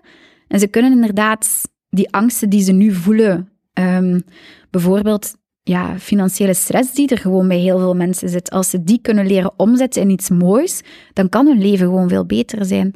En ik ben echt uit... Allee, ik heb er veel over nagedacht. Ik ben gewoon beginnen denken van... Is het toepasbaar op iedereen? En ja, volgens mij is het toepasbaar op iedereen als je een beetje meer financiële educatie hebt, die jammer genoeg niet wordt gegeven op ons, in ons standaard onderwijs, of veel te weinig alleszins. Ehm, dan ga je betere keuzes kunnen maken. Dan gaan mensen niet lijden aan die pure levensstijlinflatie. Dan gaan mensen minder in een rat race zitten op hun werk. Dan gaan mensen bewuster kunnen leven. Dan gaan mensen meer tijd hebben om te kunnen doen wat dat ze, wat dat ze willen doen. Want hoeveel mensen zitten in een job die, die ze doen voor het geld? Terwijl als je van in het begin je leven zo inricht dat je zowel je geld voor je kunt laten werken als zelf voor het geld werkt, dan ga je op een bepaald kantelmoment komen waar dat je geld meer verdient dan jij in je job. En dan ga je meer ruimte hebben, meer tijd. En tijd is een heel kostbaar goed. En volgens de piramide van Maslow, van zodra dat je aan je basisbehoeften kan voldoen en je kan iets hoger gaan, kan je meer naar zelfontwikkeling gaan, kan je meer gaan kijken van wat wil ik doen met mijn leven? Hoe kan ik mijn leven zinvol inrichten? Ehm, en dat is natuurlijk super fijn als je een job hebt en je gelukkig bent, zoals ik, dat je direct in een leuke job terechtkomt. Maar ik zie als HR-consultant helaas heel veel mensen ook dingen doen puur en alleen voor het geld. En dat vind ik zo jammer. Ehm, dus ik denk gewoon dat ik mensen hun leven heel impactvol kan veranderen. Hoe werkt jij daar rond? Want een deel, een deel van wat je zegt is gewoon een psychologisch luik van eh, ik vind geen of niet genoeg betekenis in mijn leven of als ik dan al tijd heb, wat zou ik er wel mee doen? Misschien nog eens een goede vraag om, om te stellen aan jezelf. Als je tijd hebt, wat zou je dan doen? En de andere is puur dan het economisch-financieel gedeelte van oké, hoe doet je dan, welke stappen zet je om dat doel te bereiken? Maar zijn die twee duidelijk uit elkaar te trekken? Focust je liever op het een of op het ander? Ik zeg altijd financiële vrijheid of onafhankelijkheid, want voor iedereen betekent dat iets anders. Dat begint niet in je portefeuille, dat begint echt in je hoofd. En het is eerst belangrijk om jezelf te leren kennen van hoe sta ik, hoe kijk ik naar geld. Hoe, ik ben nu een opleiding aan het volgen waarbij dat ik ehm, ja, mensen hun archetypes ga kunnen bepalen van hoe sta je en hoe kijk je naar geld. En er zijn acht archetypes die gaan domineren wat je sterktes zijn met geld, je valkuilen ook en hoe dat je beslissingen gaat nemen. Ehm, en zoals ik al zei, ik ben iemand die angstig met geld omgaat. Ik ga vooral in geld veiligheid zien, waardoor ik bijhoud en hou en dan bijna ook, en dat merk ik nu ook met mijn business, bijna ook niet durf investeren om verdere groei mee te maken. En ik denk ehm, dat het daarmee begint met die financiële mindset van jezelf te doorgronden, te begrijpen, eraan te werken, om dan pas naar je financiële kennis te gaan kijken, die te gaan vergroten en dan de combinatie van beide kunnen u brengen waar dat je bent, waar dat je, alleen, waar dat je moet zijn. Ehm, en ik merk gewoon, we zijn vandaag de dag zodanig bezig met ehm, ja, fysiek helemaal in orde te zijn, ehm, mentaal ook helemaal in orde te zijn. Er zijn zoveel ondernemers die coaches pakken, die, die, eh, ja, van alles doen, ehm, maar niet echt nadenken over, ja, hoe is mijn money mindset en hoe, hoe financieel gezond voel ik mij op vandaag? En laat, laat ons eerlijk zijn, eh, ik begeleid heel veel KMO's in mijn reguliere job. Ehm, en ik merk, je hebt ondernemers en je hebt ondernemers en ze verschillen allemaal. En veel wordt getypeerd of ge- gekenmerkt door het feit welk moneytype zijn ze. Zijn dat mensen die graag investeren? Zijn dat mensen met vertrouwen in geld? Zijn dat mensen die alles gratis doen? Er zijn heel veel blokkades die u als ondernemer kunnen tegenhouden, klein houden of net groot maken. En, en door uzelf te leren kennen en door eraan te werken, denk ik dat, allee, denk ik dat de wereld een makkelijkere plaats wordt. Want geld zou geen limiterende factor moeten zijn. Geld zou, ehm, als uw energie goed zit, en ik ben alles behalve spiritueel, wat dat nu misschien wel eh, niet zo klinkt, maar als uw energie niet goed zit met geld, dan gaat het ook niet flowen en dan gaat het ook niet tot bij u komen. En dat klinkt heel spiritueel, maar het is wel zo. Ehm, om een concreet voorbeeld te noemen. Ik ben bijvoorbeeld heel angstig. Ik ga niet makkelijk investeren, maar dat houdt mij ook klein. Op een bepaalde manier. Je hebt ook mensen die ehm, bijvoorbeeld een money blueprint hebben vanuit ja, geld. Rijke mensen zijn slecht, bijvoorbeeld. Ehm, rijke mensen zijn waarschijnlijk oneerlijk of hebben een om geld op een oneerlijke manier ontvangen, verdiend. En als je dat denkt, dan ga je waarschijnlijk ook nooit veel geld durven vragen. Of ga je ook niet voor je eigen diensten nadenken over manieren hoe dat je niet moet werken en, en eigenlijk naar passief inkomen meer kan gaan. Dus er zijn zoveel moneyblokkades die er zijn, die je bij jezelf kan gaan wegwerken. Eh, je hebt ook mensen die gewoon alles gratis doen hè, en die niet nadenken van hoe kan ik mijn business laten renderen. Er zijn, allez, er zijn gigantisch veel verschillende voorbeelden. Ik ben nu ook nog volledig in opleiding daarvoor. Maar ik denk dat daar wel echt een business zit om mensen daarin te begeleiden, vooral ondernemers. En dan daarnaast, uiteraard, financiële educatie moet er voor iedereen zijn. Mensen moeten leren beleggen, niet via banken, want dan blijft er daar ook geld bij plakken. Mm. En veel mensen beseffen het niet. Het pensioensparen bijvoorbeeld. En nu maak ik wel een straffe persoonlijke uitspraak, maar ik ben er persoonlijk minder fan van, omdat ja, de rendementen die je bij pensioenfondsen ziet, die liggen vrij laag. Ehm, en je kan het beter zelf, maar mensen durven niet, omdat ze denken, dat houdt risico's in, enerzijds. Plus, beleggen op de beurs houdt risico's in, dat klopt, zeker en vast. Hmm. Maar niets doen is veel risicovoller. Inflatie eet uw geld stilletjes aan op. Ehm, en, dat, en dat is puur gewoon het niet begrijpen, het niet weten. Maar als mensen daar inzicht in krijgen, kunnen ze wel beter de juiste dingen doen. En ik vind het gewoon, eerlijk waar, bijna zielig en pijnlijk om te zien dat er zoveel mensen te weinig kennis hebben, waardoor dat ze waarschijnlijk heel hun leven gaan moeten blijven werken en in die rat race zitten en tot hun 67 misschien later nog gaan moeten werken. Terwijl dat als ze nu al slimmer met hun geld omgaan en iets bewuster, minder ook laten doen door eh, ja, alle marketing en, en alle, ah nee, de wegwerpmaatschappij waarin dat we leven en iets duurzamer kunnen gaan leven, iets duurzamer kunnen gaan kopen en dergelijke meer, dat ze daardoor wel gewoon een makkelijker leven hebben. Wat zijn dan de pijlers waar rond gewerkt? Want gelijk bijvoorbeeld qua pensioensparen, ja, ik heb dat ook nooit gedaan, omdat ik gewoon kijk naar uw belastingteruggave, is een aftrek van uw belasting, dus dat gaat over 300 euro aftrek, eh, net over 140 euro of zo, afhankelijk van uw gemiddelde graad. Dus geef mij maar gewoon die 600 euro, ik beleg Ja. dat wel zelf, al is het gewoon IWDA of een andere tracker, en ik ga na 40 jaar veel meer... Voilà. En ik heb, geen, ik heb geen anticipatieve heffing en ik kan mijn geld meepakken. En als Ja. ik het toch op mijn 40ste nodig heb, moet ik niet Voilà. 30% boete betalen. Dus exact. bij mij is dat gewoon een berekening, maar ik, ik heb dat gesprek een paar keer met mensen proberen te voeren. En dan merk ik dat die uiteindelijk gewoon zeggen, ja, maar het is makkelijk omdat dat staat in mijn banking app en ik stort daar gewoon. Oké, dan ben ik uitgepraat. Ja, maar dat zijn zo van die blokkades. Ik heb geen tijd om te beleggen. eh, het is veel makkelijker om het uit handen te geven. Of het is... Oh, ik, heb er, en ik merk dat bij mijn zus ook. Hè. Mijn zus ehm, is een heel ander type dan mij. Ehm, die, die heeft haar geld gewoon op haar spaarrekening staan. Of die laat het door de bank doen. Ik zeg, "Cha- allee, Camille, jij als eerste, ik, ik ben er om u te helpen. Ik wil het zelf doen voor u. Het gaat u geen geld kosten. Ja, maar ja, pff, dat- ik heb geen zin om dat accountje op te zetten. Mensen zijn gewoon zo lui, maar ze hebben wel goesting om tot hun 67 te werken. Of Allee, om, om, om dan een uren te kloppen, terwijl dat ze echt, dat gaat niet over kleine bedragen. Als je geld voor je laat werken, met 5 euro per dag, ik zou het moeten uitrekenen, ik heb mijn gsm nu niet bij, maar met 5 euro per dag langs de kant te zetten, heb je echt honderden, duizenden euro's op het einde van je leven, op je pensioensgerechtigde leeftijd. En ja, dat zijn zo van die dingen die, eh, die ik niet goed snap. Of ja, Wat probeert je nu met, gelijk met slim sparen, of waar educeert je of probeert je mensen het meeste in, of misschien waarvoor komen mensen naar u? Ja. Of met welke vraag?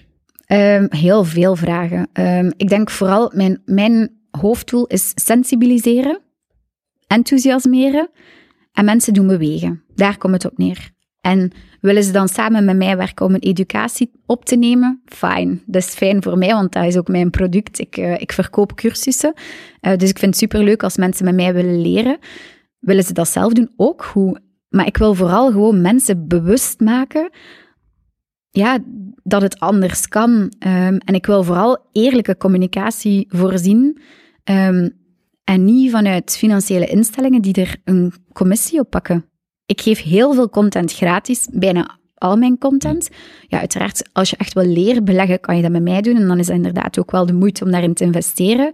Want dan ga je minder leergeld betalen op de beurs. Maar ik wil gewoon eigenlijk mensen sensibiliseren en hun leven beter maken. Gelijk als je dat boek schrijft, wat zijn dan de onderwerpen waar je het meest over praat? Dat boek ligt ehm, iets verder af. Dat gaat echt over ehm, Fire, is de titel. Eh, komt 31 maart uit trouwens. Hm. Ik weet niet of ik daar eigenlijk al veel over mag zeggen van de uitgeverij, want ik heb het nu al gedaan. Ehm, maar dat gaat echt over, ja, wat is geld? Hoe kun je inderdaad als jonge persoon je leven beter organiseren rond geld? Wat doe ik? ik breng, het is ook echt een boek geschreven door mij. Ik breng mijn eigen verhaal, met al mijn ups en mijn downs, ehm, met mijn persoonlijke relatie met geld. Er staan testjes in van om je eigen persoonlijke relatie met geld te onderzoeken. Ehm, het gaat over eh, ja, de valkuilen van geld, de psychologie rond geld, wat zijn blokkades die je kan hebben. Maar het gaat ook over, ja, wat nu? Hoe kun je je leven inrichten om eventueel vroeger op pensioen te kunnen gaan, of optioneel vroeger op pensioen te Mm. kunnen gaan? Het gaat niet zozeer over pensioen. Ik vind dat ook een beetje jammer ehm, dat het daar zo vaak rond draait. Maar hoe kun je tijd kopen daar? Hoe kun je je geld voor je laten werken?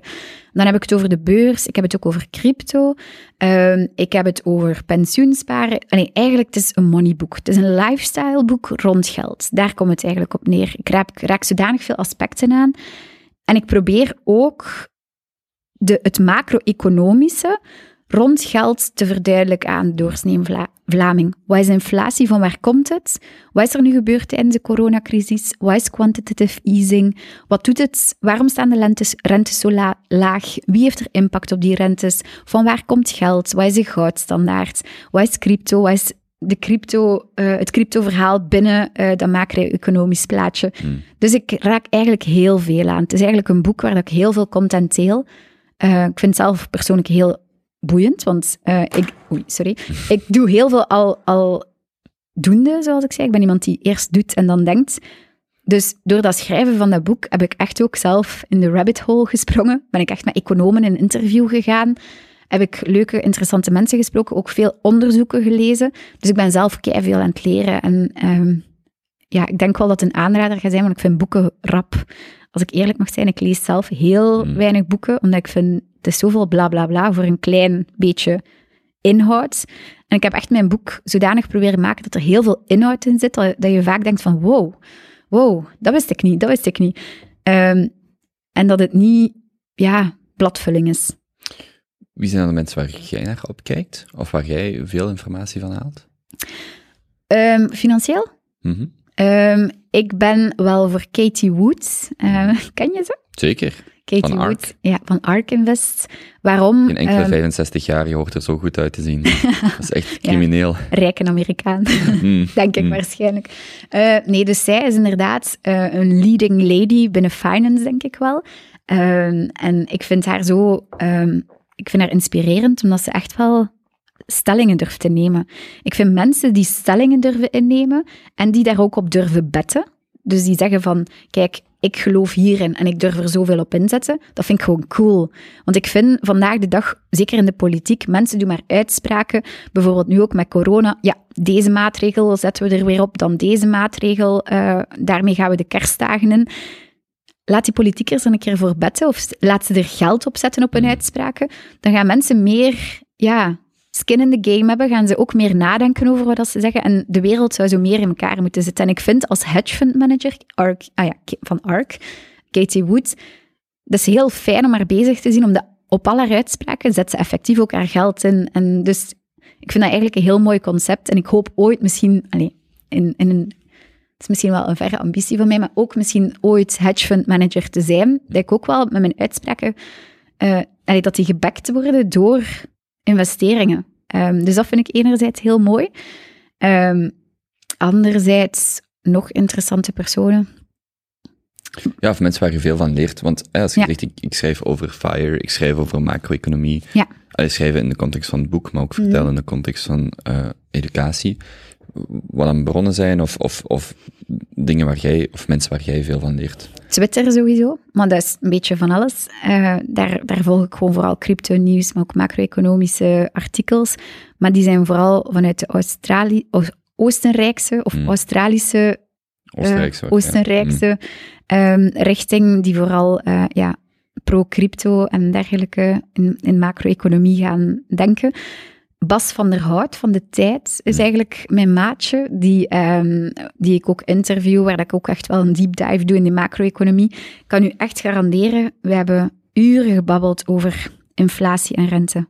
Uren. En ik ga eerlijk zijn, ik ben er nog niet 100% uit of ik het helemaal begrijp. Het is zodanig complex en, ik, en als je dan andere podcasts hoort, want dat doe ik ook heel veel. Ik luister naar heel veel podcasts over uh, macro-economie, crypto en dergelijke meer.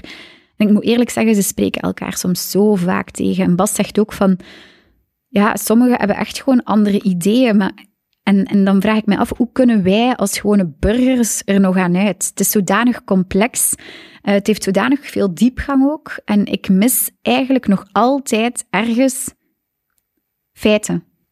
En het is zo moeilijk ik raak, ik raak er zelf niet uit. Ik weet zelf niet waar ik ze kan vinden. Maar het is hmm. zo moeilijk om, om feiten ergens te lezen. En ik denk, het gegeven dat... Allez, en ik heb dat ook gemerkt in mijn gesprekken met Bas. Bas is heel kritisch en weerlegt alles. En um, stelt zich ook bij alles de vraag, want hij doet ook hier en daar een beetje eindredactie. Of ja, niet eindredactie, maar hij helpt mij ook een beetje met mijn boek. En hij, hij, hij doet bij alles bronchecking. Uiteraard moet wel als een, als een gewone journalist, maar dat stemt mij wel ook gerust, dat zijn uitspraken, dat die ook wel gebaseerd zijn op feiten. En uh, daarom dat ik ook graag met Bas samenwerk voor uh, dat topic. Is ook iets wat, het fire topic bij hem ook, of met hem, uh, wat je van hem hebt? Nee, want het is hm. anti-fire. Oké. Okay. um, wat is die Die With Zero principe? Ik weet niet of je dat boek kent? Nee. Dus, ik heb dat langs gelezen, dat is de gasten argumenteert dat wij veel te veel bezig zijn met, sorry, dat er een gigantisch surplus is Mm Tussen uh, het moment dat je sterft, um, hoe moet ik het netjes zeggen? tussen het moment dat je sterft en het moment dat je denkt dat je zou gestorven zijn. Dus dat heel veel mensen sterven met mhm. honderdduizend of miljoenen euro's op een, of dollars op een rekening.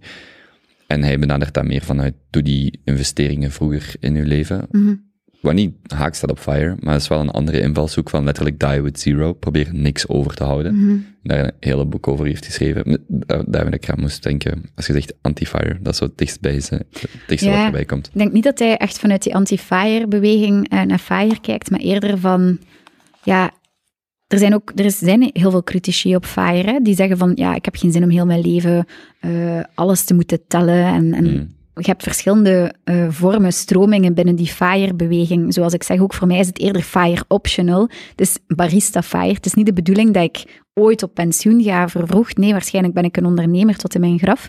Um, maar um, ja, gewoon het idee van laat uw geld voor u werken, zodat jij meer tijd hebt, dat is wel hetgene wat ik voornamelijk meeneem uit de, uit de beweging. En daar kan niemand iets op tegen hebben, denk ik. Want um, ja, gezien de macro-economische situatie waarin we nu zitten, worden we eigenlijk als burger ook wel verplicht om wat meer risico te gaan nemen met ons geld en om, om plaatsen te gaan opzoeken waar ons geld wel op brengt. Dus um, ja, het is een mooie richting om in te denken en, en ik probeer gewoon mensen te inspireren daarop. En misschien daar eens op stilstaan, want wat, wat is vandaag de situatie waar... Komen mensen concreet met, met concrete vragen, puur financiële, eh, puur financiële vragen bij u ook? Want Ja. mijn ouders, uw ouders, die kennen allemaal 5, 6 procent Ja, eh, interest. Of, what a life. ja, ja, ja, terwijl, terwijl dat, dat vandaag gewoon niet zo is. Dus Mhm. Ik weet niet, ik vind dat ook zo de grote vraag van, van dit moment. Zo, hoe, hoe, eh, eh, gewoon al individueel, hè, laat staan nog hoe je andere mensen daarin begeleidt. Mhm. En elke keer wanneer iemand denkt, wanneer iemand mij zegt, ja, ik heb 20% meer gekregen voor mijn huis dan ik dacht, dan denk ik, ja, maar als je op de markt moet gaan om een ander huis te kopen, Mhm. betaalt je ook 20% meer. Dus je denkt, je denkt dat je huis meer waard is, maar misschien is je geld minder waard Ja. geworden. En Ja. dat gesprek gaan we zelfs al niet hebben, want, ja, allee, dus, ik weet niet, ehm, ja, wat daar zo de context van is en, en hoe je daar rond werkt. Ik krijg vragen op elk niveau. Ik krijg vragen van ehm, ja, welke broker moet ik kiezen, tot en met ehm, Charlotte, ik heb zoveel honderdduizend euro gespaard op mijn spaarrekening, wat moet ik ermee doen? En dan zeg ik altijd, ik ben geen financieel adviseur, ik mag je geen financieel advies geven, ik ga je niet persoonlijk zeggen, je moet dit en dit en dit doen.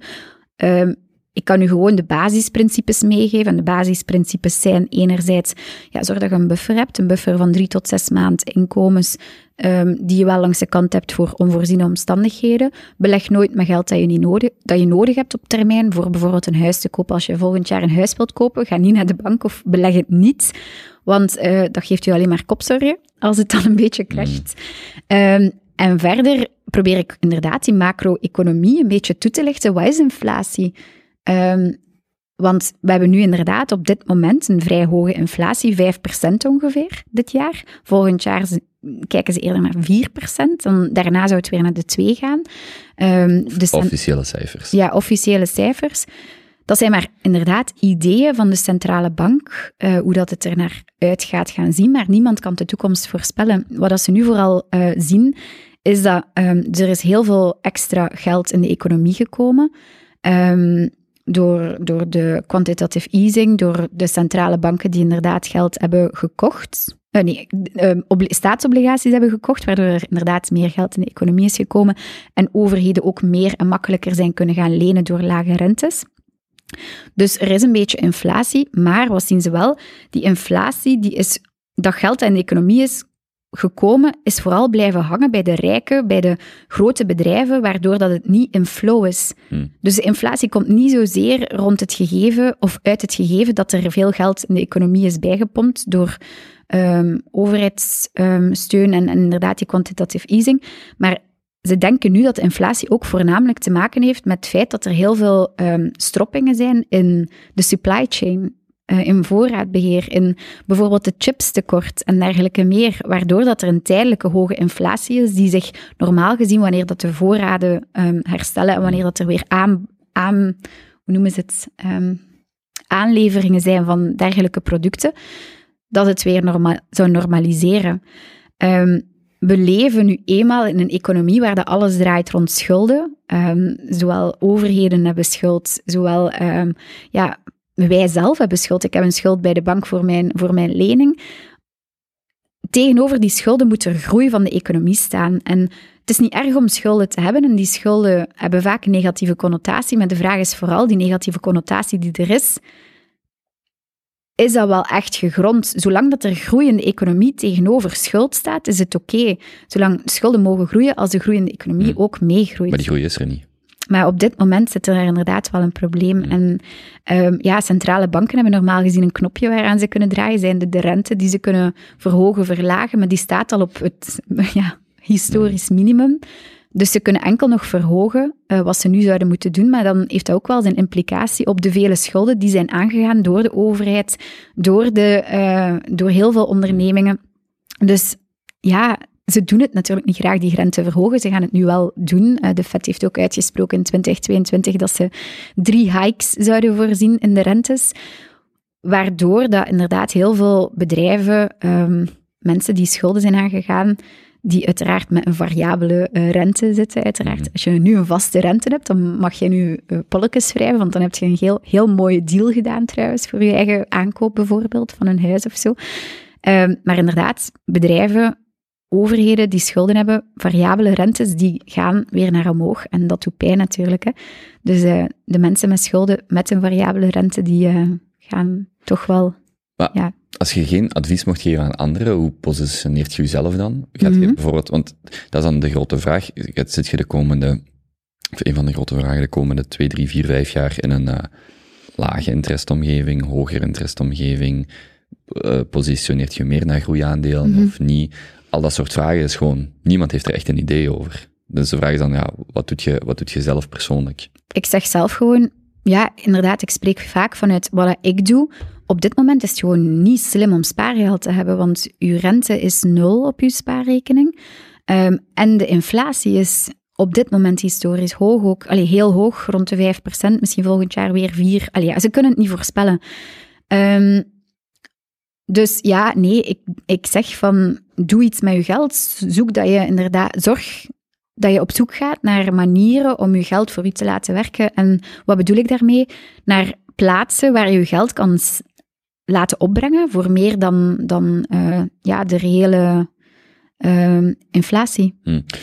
Hoe ziet dan een modelportfolio eruit voor, ik zeg maar iemand van onze leeftijd, een 30-jarige, Mhm. die, ik zeg maar, geen eigendom heeft, om het makkelijk te zeggen? Goh. Ja, een modelportefeuille, ik kan daar ook, dat hangt ook af van uw beleggersprofiel. Ik denk dat dat iets is wat veel mensen onderschatten. En dat is ook de opzet ook een beetje van slim sparen. Ik zie heel veel mensen naar de beurs gaan, heel veel jonge mensen. En wat doen ze? Ze kopen wat dat de kapper zegt, of wat dat de hun vrienden kopen, of wat dat ze inderdaad zien op Yahoo Finance of op Reddit-posts, eh, noem maar op. Dat is niet de manier waarop je gaat gaan beleggen. Eh, het is belangrijk om je eerst wat vragen te stellen. De eerste vraag is inderdaad van wat is mijn beleggershorizon? Bij voorkeur is dat heel je leven, zodat je inderdaad ehm, niet gebonden bent aan tijd. Tijd is ook onze grootste vriend op de beurs. Dus hoe langer dat je belegt, kijk naar een Warren Buffett bijvoorbeeld, is begonnen met 400 eh, dollar, is nu de rijkste, een van de rijkste mannen ter wereld. Gewoon omdat hij al 80 jaar op de beurs actief is. Dus tijd is heel belangrijk. Probeer zo lang mogelijk een beleggingshorizon te hebben. In tweede instantie, welk risico wil je nemen? Ehm, ik zie dat jonge mensen er niet over nadenken. Ze gaan naar de beurs, ze kopen wat dingen, individuele aandelen, maar individuele aandelen, zeker die aandelen die nu gehyped worden, een Palantir, ehm, ja, al die, al die ehm, groeiaandelen, een Uber, ja, die maken vaak nog geen winst. Ik weet het nog, toen ik begon te beleggen, ik had heel wat hype-stocks gekocht en dan dacht ik, oh, damn, drie vierde van mijn portefeuille maakt maar winst. Dan ben ik toch wel echt een keer door een van mijn vrienden met mijn voetjes op de grond gezet. Charlotte, je moet echt wel fundamentele analyse gaan doen van je aandelen, want zo gaat het er niet komen. En ehm, uit die fouten die ik gemaakt heb, breng ik eigenlijk mijn verhaal. Dus ehm, ga echt op onderzoek bij jezelf van welk risico wil ik nemen. Ben ik tevreden met 5% per jaar voor heel mijn leven? Oké, zoek je dan een veilige belegging, maar dan ga je ook niet meer rendement bijvoorbeeld hebben en dan gaat je risico laag zijn. Wilt je wat meer risico pakken? Of wilt je zeggen van oké, ik pak met 10% van mijn kapitaalrisico, met de rest ga ik een veilige belegging gaan aannemen? Dat zijn keuzes die je voor jezelf kan maken. Ik kan daar geen eentonig antwoord op geven voor alle luisteraars. Dus ik denk dat er heel wat vragen zijn die gesteld moeten worden. Ehm, en, een, eh, wacht eens, welke horizon, ehm, met welke budgetten ga je ook gaan beleggen? Dat is ook wel een goede vraag. Wil je ehm, 500 euro per maand langs de kant zetten? Heb je maar 10 euro per maand? Dat gaat ook wel natuurlijk je beleggersproducten gaan bepalen. In ieder geval, wil- één tip daar. Ik wil met 10 euro per maand miljonair worden. Hoe doe ik dat? Dat gaat niet, denk ik. Ja, dat gaat wel. Maar dan zou ik zeggen, dan moet je echt wel de high, high, high Hmm. risk gaan opzoeken. Ehm, Of heel lang zeggen. beleggen. Als je heel lang belegt, kan je, kan je Hmm. er wel komen met 10 euro per maand. Ehm, maar inderdaad, dus ik, die drie vragen moeten gesteld worden. Dus aan alle ouders die aan het luisteren zijn, uw kind heeft een gigantisch mooie horizon op de beurs, tijdshorizon. Begin nu al te beleggen. Hè? Spaarrekeningen, doet die weg. Gewoon geen eh babyspaarrekeningen. Beleg gewoon voor je kinderen. Koop wat duurzame aandelen. Ze gaan u zo dankbaar zijn als ze 18 zijn. En dan kan je ze zelf voor de keuze stellen. Gaan we hiermee verder of cash je tijd? En pak er dan de compound interest eh, calculator bij om te laten zien van wat gaat je geld doen als je het nog tien jaar verder belegt. En dan gaan ze echt eh, grote ogen trekken. Dus enerzijds, dat is mijn advies. Ik ga mensen begeleiden om een beleggersprofiel, ja, om zichzelf de juiste vragen te stellen. Anderzijds ehm, laat ik ook gewoon zien van, kijk, beleggen is niet zo moeilijk. Het is geen rocket science. Ehm, begin gewoon te beleggen in wat je kent. Ehm, dus ben je iemand die eh, in, in de pharma werkt, oké, dan kan je perfect een portefeuille aannemen, omdat je de pharma kent. En dan ga je ook als beste zijn om daar wat stockpicking te doen en inderdaad individuele aandelen te selecteren. Maar als je natuurlijk geen hoog risicoprofiel hebt, kan ik dat ook dan wel aanraden dat je dat aanvult met ETF's. Dus ETF's ehm, zijn eigenlijk een vrij leuke vorm om te beleggen, omdat daar weinig tijd in kruipt. Je hebt direct een heel mooie spreiding. Ehm, dus eigenlijk aan mijn... ehm, ik, ik, ja, ik ben gewoon zelf... Ik, ik zweer bij ETF's. Je koopt gewoon... Je, je doet het zelf ook, denk ik, kopen. Ja, ja. IWDA. Voilà. All day, every day.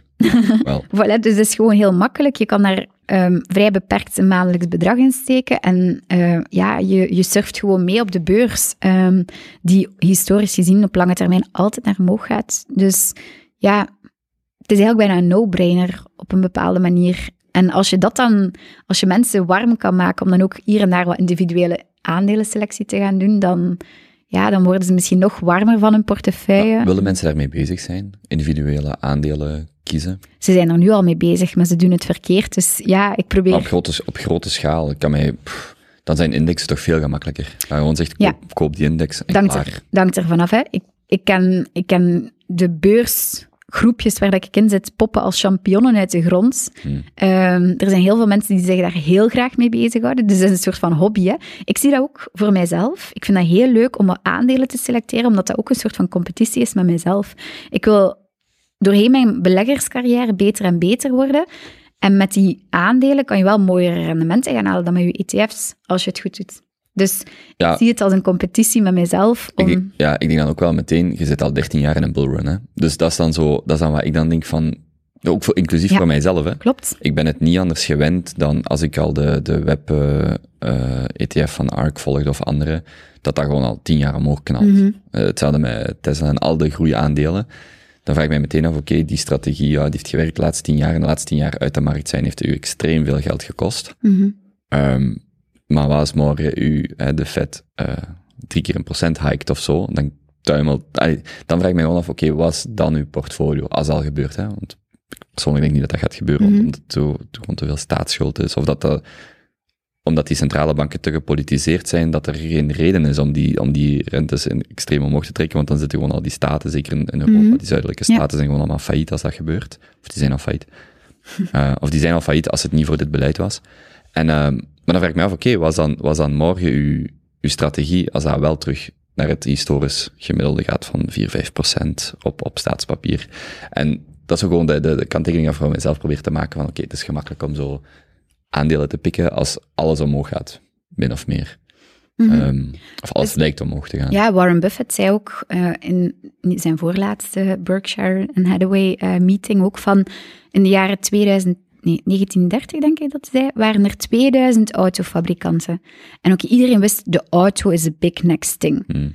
Maar het was onmogelijk, zei hij, om daar op dat moment de bedrijven uit te halen die, die vandaag nog zouden bestaan. En effectief, eh, er bestaat er nog maar eentje van, en dat is Ford. Van alle bedrijven die in 1930 bestonden. Dus dat wil zeggen, als jij ehm, op lange termijn moet gaan stokpikken, ja, je moet echt letterlijk een naald uit een hooiberg weten te halen. Dus daarom dat ik ook zeg van probeer inderdaad de combinatie met ETF's te maken. En op kortere termijn denk ik inderdaad dat aandelen ehm, wel een goede strategie zijn geweest. Kijk bijvoorbeeld naar de Facebook, de Amazon. Ja, als je die, die eruit kon halen, dan heb je een heel mooi rendement. En ik vind het gewoon ook een, een hobby om er leuke aandelen uit te halen. Het leuke, in vergelijking met toen, is dat alles ook veel publieker is. Alle resultaten, alle resultatenrekeningen, eh, verslagen, kwartaalresultaten zijn gewoon Analyses. super beschikbaar. Analyses. Nu, ik ben niet zo'n fan van analyses. Ik hou mij ook heel ver weg van ehm, analyses, omdat je niet weet van, ja, die, die analisten die dan rapporten schrijven over bepaalde aandelen, wat, wat is hun belang? Hmm. Ehm, ik blijf eigenlijk, en die, dat is ook wat de media zegt. Ik had onlangs een interview met de Trends. Ze zeiden ook van, ja, je kan perfect gewoon Yahoo Finance lezen of de tijd lezen. Ik heb dat in het begin gedaan trouwens, toen ik begon te beleggen. Ja, ik las de tijd, ah, dit aandeel is het van het. Ik stap in, maar ik koop natuurlijk op de top op dat moment, of ja, tijdelijke top. Dus ik probeer eigenlijk vooral zelf mijn research te doen. Omdat als je de media volgt of, of artikels volgt, dan weet je dat je eigenlijk al later bent dan de massa. En eigenlijk wil je net de massa voor zijn. Dus ik probeer echt gewoon mensen in mijn cursus onderzoek te laten doen naar de fundamentals, naar inderdaad de, de harde data achter een bedrijf. Ehm, om dan te gaan kijken van oké, zien we hier trends die inderdaad positief eruit zien. En inderdaad, heeft de markt het aandeel al opgemerkt, al dan niet. Er zijn echt altijd in een bear of bull market, maakt niet uit, zijn er altijd opportuniteiten te spotten. Ehm, en er zijn er een paar methodieken voor om, om echt die gouden stoks eruit te halen. En inderdaad, dat klopt. Hè. Voor de doorsnee Vlaming gaat dat heel moeilijk zijn om, om, om u daar zo in te verdiepen. Maar als je dat wilt, dan denk ik, geloof ik dat het wel kan. Maar waarom zou je dan niet je eigen fonds al starten? dus uh, ja, ik ben nu eigenlijk met idee aan het spelen. Um, Allee, haal, haal bij 10 mensen 25.000 euro op en you? Allee. nee, wel, dat wil ik dus niet doen. Niet in uh, traditional finance. Um, maar ja, ik weet niet in welke mate dat er hier al over mag gesproken worden. Maar mijn vriend bijvoorbeeld heeft nu een research and development bedrijf binnen uh, Decentralized Finance. Mhm. En we zijn daar wel aan het kijken om binnen Decentralized Finance wel een soort van fonds te gaan oprichten. Waarbij dat we um, wel kapitaal gaan ophalen en uh, gaan laten beheren in heel wat leuke projecten binnen crypto. Maar dan maak je een soort van ETF voor crypto-projecten. Geen ETF, Allee, echt ja, een geen- actief beheerd fonds. Dus Ja. het zal ook iets duurder zijn, maar de rendementen liggen ook doorgaans wel hoger. Maar bij hoger rendement komt er ook hoger risico. Dus we gaan er echt wel op zoek naar cliënteel die ja, toch wel best wat kan riskeren. Mm. Laat het mij zo zeggen. Ehm, ja, misschien zal ik dan direct de brug maken. Hoe past crypto in een portfolio van de gemiddelde millennial vandaag? Of Gen Z die eraan komt? Ja. Misschien zelfs breder. Gen X. Ja, wel. Ehm, ik ben geen... Ik ken crypto van op de oppervlakte, omdat ik echt continu tussen crypto-mensen aan het werk ben en ook eh, continu thuis alles hoor over... Allee, over...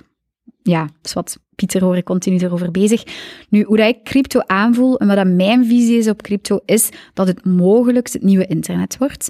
Eh, we zitten nog vroeg en als we ons de vraag stelden in, voor, voor de aantocht van, van het internet, begrijpt iemand dit, denkt iemand dat dit het, de big next thing gaat worden? Dan dacht iedereen ook, nee, dat is niet schaalbaar, het is nog te duur, ehm, het is misschien inderdaad niet ecologisch genoeg. Maar we zien nu ook wat dat ehm, innovatie en groei kan doen, en zeker exponentiële groei. En het is wel een van de domeinen die gigantisch snel aan het groeien is en exponentiële groei heeft gekend en heeft laten zien. En waarop dat er ook, en dat zie ik vooral, er is een gigantische brain drain, en dat stelt mij, stemt mij alleen maar gelukkig, Hmm. ehm, van echt heel capabele mensen binnen het domein die in die richting aan het evolueren zijn. En Jack Dorsey, CEO van Twitter, ehm, CEO van MicroStrategy, ehm, ik ken Pieter zijn bedrijf bijvoorbeeld, wij, wij werven daar alleen maar super knappe, slimme koppen aan.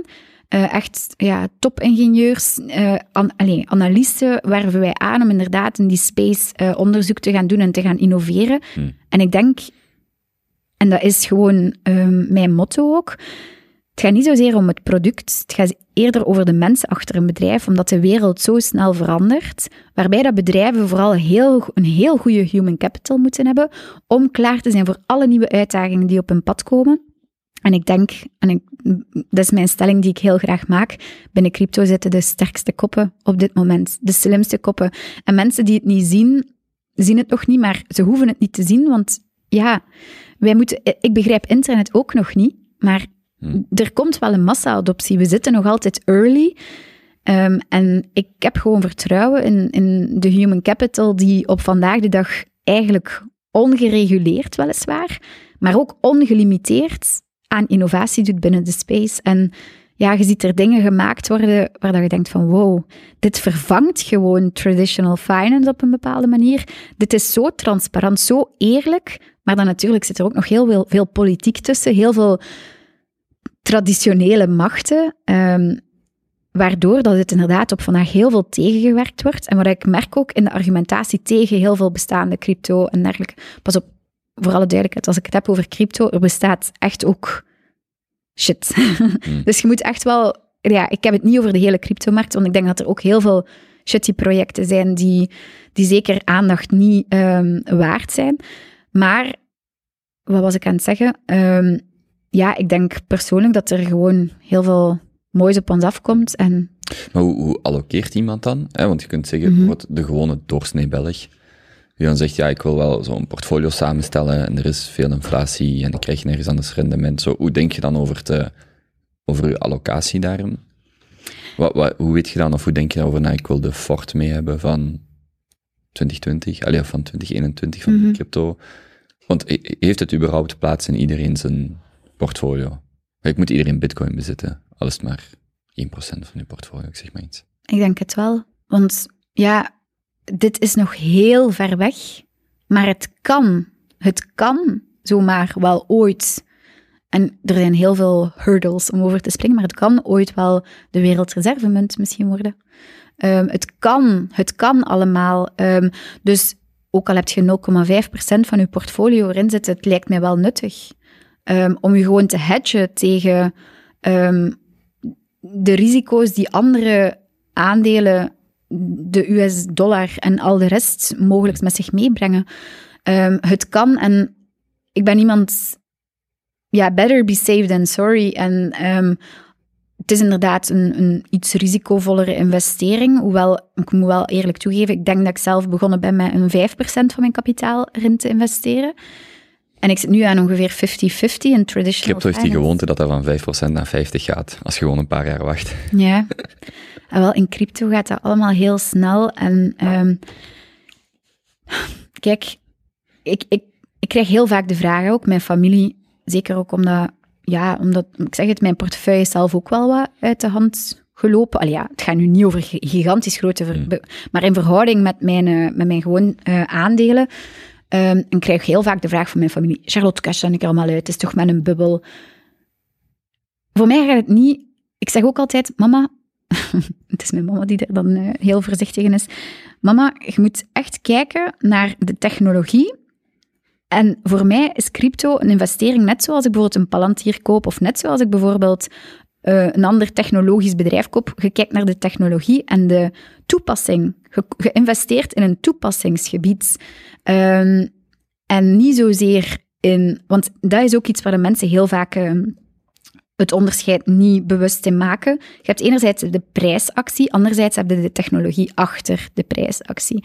En mensen, de doorsnee Vlaming kijkt naar de crypto die vandaag nog heel volatiel is, maar dat is niet Bitcoin, dat is niet Ethereum. Het gaat hem eerder wat er achter zit. En hoe dichter en hoe meer dat je verdiept, en ja, in mijn geval, we doen heel veel research en development ehm, binnen Pieter zijn bedrijf naar alles wat erachter zit. Hoe meer dat je daar naar research doet, hoe meer dat je ziet wat je koopt. En dat is voor veel mensen een heel ver van een bedshow. Maar als ze mij 30 jaar geleden gevraagd hadden, wil je inderdaad 1% van je allocaties Hmm. in het internet investeren, in een eh, whatever, Google, ehm, ja, bedrijven die op eh, de internetrevolutie hebben eh, kunnen profiteren, ja, dan had ik zonder twijfel ook ja willen zeggen, achteraf gezien. Dus dat is een beetje hoe dat ik ook als pokerspeler, denk ik, vooral leer omgaan met onbekende informatie. De wereld is onbekend, we kunnen de toekomst niet voorspellen, zeker in tijden van vandaag. Alles is zo veranderbaar. Alles verandert zodanig snel. Kijk dus vooral naar de human capital, naar het potentieel van de mensen die in een bepaalde space werken.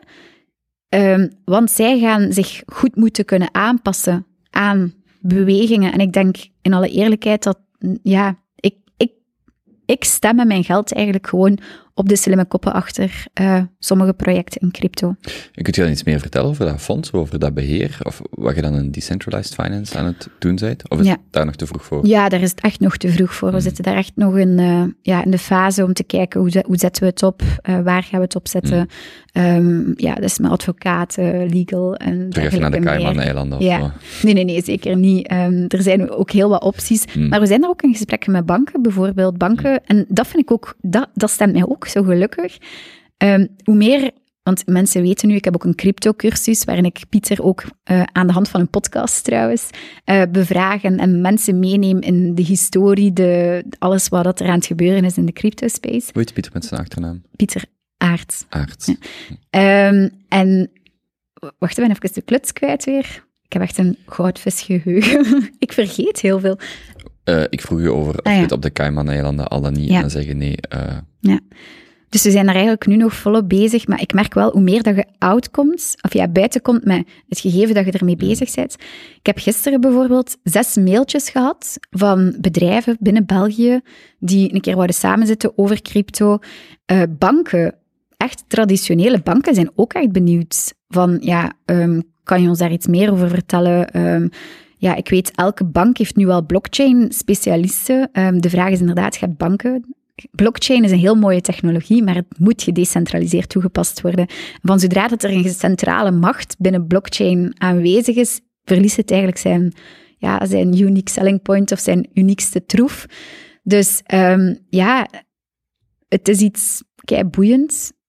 Ik ben in ieder geval heel eh, dankbaar dat ik een, allee, met de interesses die ik heb, zijn de technologie, ehm, maar ook het financiële dat mij nu enorm boeit om in dit tijdsperk te mogen leven. Want we, er kan mogelijk wel een revolutie aankomen. En ik ben gewoon heel blij om, om het te kunnen opvolgen. Ik vind het gewoon leuker dan naar eender welke Netflix-serie te kijken. ehm, om mijn neus erin te steken, mij te verdiepen en elke dag nieuwe dingen te leren en ontwikkelingen te zien. Sowieso nog binnen vijf jaar dat je je, je ether of ander gaat kunnen steken via je bank. Ja. Dat is een rendement vandaag van 5, 6 procent. Ja. Dat gaat sowieso komen. Als ik daar met bankiers over praat, die beseffen nu van, ja, we moeten dat gaan doen. En er zijn nu al gewoon zo white label bedrijven die heel die infrastructuur runnen, die dat gewoon gaan aanbieden aan die fintechs. En eh, klaar, want was zo een week of twee weken geleden Sparkasse, de grootste Duitse bank, die, ik geloof, halverwege volgend jaar, die zijn nu een wallet aan het ontwikkelen, een bitcoin wallet, voor hun klanten. En dan denk ik zo, ja, ook al is dat nu, ook al, of dat, wat nu uw mening is, of dat waardevol is of niet, het feit dat die 50 miljoen klanten hebben, en die hebben genoeg vraag, wil zeggen dat, dat dat gewoon gaat gebeuren. Dus ik vraag me af wanneer Belgische banken daar, eh, Ja, dat is zo. daarop gaan inspringen. Er zijn 21 miljoen bitcoins. Er zijn meer miljonairs in de wereld. Ehm, er is een adoptiegraad vandaag, dacht ik, had ik ergens gelezen, van 3% van de Belg zou op vandaag iets van crypto bezitten. Hmm. Dat is nog minimaal. Ehm, het, het, het, de technologie lost ook veel op in de wereld. Oké, ehm, het Lightning-netwerk, om nu niet te veel in detail te gaan, maar bijvoorbeeld in El Salvador, in derde wereldlanden, kan gewoon Bitcoin ervoor zorgen dat mensen makkelijker geld van de ene kant van het land naar de andere kant kunnen sturen. Ehm, ik ben deze zomer naar Afrika op safari geweest en ja, ik stond perplex eigenlijk, in alle eerlijkheid. Banken zie je daar niet. Je ziet daar... Mensen kunnen niet zomaar geld sturen van het ene naar het andere. Die hebben geen bankaccount. En ehm, ja, dat, dat is wel ehm, mogelijk een oplossing voor heel wat andere problemen in de wereld. Die, eh, maar ook inflatie bijvoorbeeld, de Turkse lira, de inflatie die de Turkse lira op vandaag kent. Ja, dat is onmenselijk bij wijze van spreken. Ehm, mochten zij bijvoorbeeld ook op een, op een bitcoin overschakelen, dat kan ook een oplossing zijn. Ehm, maar het is gewoon, hoe gaan we gaan adopteren? Hoe gaan we gaan openstaan voor innovatie? En hoe gaan we, want het gaat allemaal over decentralisatie, hoe gaan we traditionele partijen macht uit handen laten leren geven? En hoe gaan zij, ja, hoe, hoe kunnen we het adopteren? Daar komt het eigenlijk op neer. En, maar we zien inderdaad, veel, veel partijen beseffen dat ze niet anders meer kunnen. Hè? Maar werk je dan vooral of liefst met jonge mensen samen of oudere mensen? Want ik vraag me dan af als de gemiddelde Belg nog geen aandeel durft kopen. Allee, als de gemiddelde Belg eigenlijk vooral cash of een huis heeft en misschien aandelen, eh, sorry, eh, obligaties, mogelijk aandelen, misschien vreemde munten, misschien goud.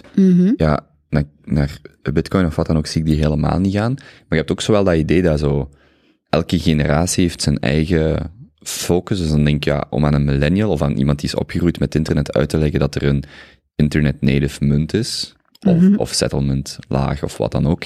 Ja, de meeste van onze leeftijd kunnen zich daar wel, als je daar even over nadenkt, kunnen zich daar tenminste een beeld van voorstellen. Maar iemand die niet met internet is opgegroeid, die heeft zoiets van, pff, ik stuur het toch gewoon via SEPA, via mijn bankgeld en klaar. Ja. Terwijl zo'n Gen Z, die, die vandaag op TikTok allerlei tips krijgt of zo, dat heel normaal vindt dat je kunt, eh, een, een, een, een filmpje kunt of een tweet kunt, eh, kunt tippen. Ja, dat werkt niet via, via, via SEPA of via Swift. Dat is gewoon ja, hoe ze het ook integreren. Dan denk ik, ja, wilt je dan focussen op, al die, op zoveel mogelijk mensen een beetje te move of maak je echt de keuze? Nee, ik ga voor, voor deze specifieke groep aan mensen. En, want ik, ik- Met slim sparen bedoel je? Ja. Ja, want ik zie ook soms zeggen, ik wil de Poldoor 2.0 worden. Ja, ja, Ehm, mijn droom. Dan is de... ja, ja, zit iets, hè? Allee, ja, nee, niet de Paul Doris is verkeerd. Ik wil Hmm. gewoon een vernieuwde versie zijn van een dergelijk figuur. Ja, want dan is de Ehm, vraag wat je, wat, wat je brengt aan... Want in mijn hoofd is Poldoren dan iemand die een breed publiek probeert Mhm. aan te spreken. Dan is de vraag, ja, hoe, wat is dan een breed, als je het in een Vlaamse context wil houden, breed Vlaams publiek en waar zijn die al dan niet in geïnteresseerd? Dat, dat vraag ik mij dan vooral af, want bijvoorbeeld de Fire Community, ah, ik ken Mhm. alle eh, Mr. Money Mustache posts, bij wijze van spreken. Maar je moet al in een bepaalde mindset zitten om, daar, Mhm. in, om, om, om je daarin te verdiepen. Dat is ook allemaal vrij technisch, eh, of, of kan vrij technisch zijn. mhm. Dat ik me afvraag, ja, de gemiddelde Belg, heeft hij, heeft hij daar, is hij daar echt bij gebaat? He- Heeft hij daar genoeg interesse voor? Ik zal het zo zeggen. Ik denk als je wijst op de voordelen ervan, want de gemiddelde Belg heeft allemaal wel, eh, hebben allemaal hetzelfde probleem. Is er vertrouwen in de pensioenen? We zitten met een hoge inflatie, lage rentes. Dat zijn allemaal problemen. We leven in een wegwerpmaatschappij waar alles duurder en duurder wordt en waarbij dat we toch moeten spenderen, spenderen, spenderen.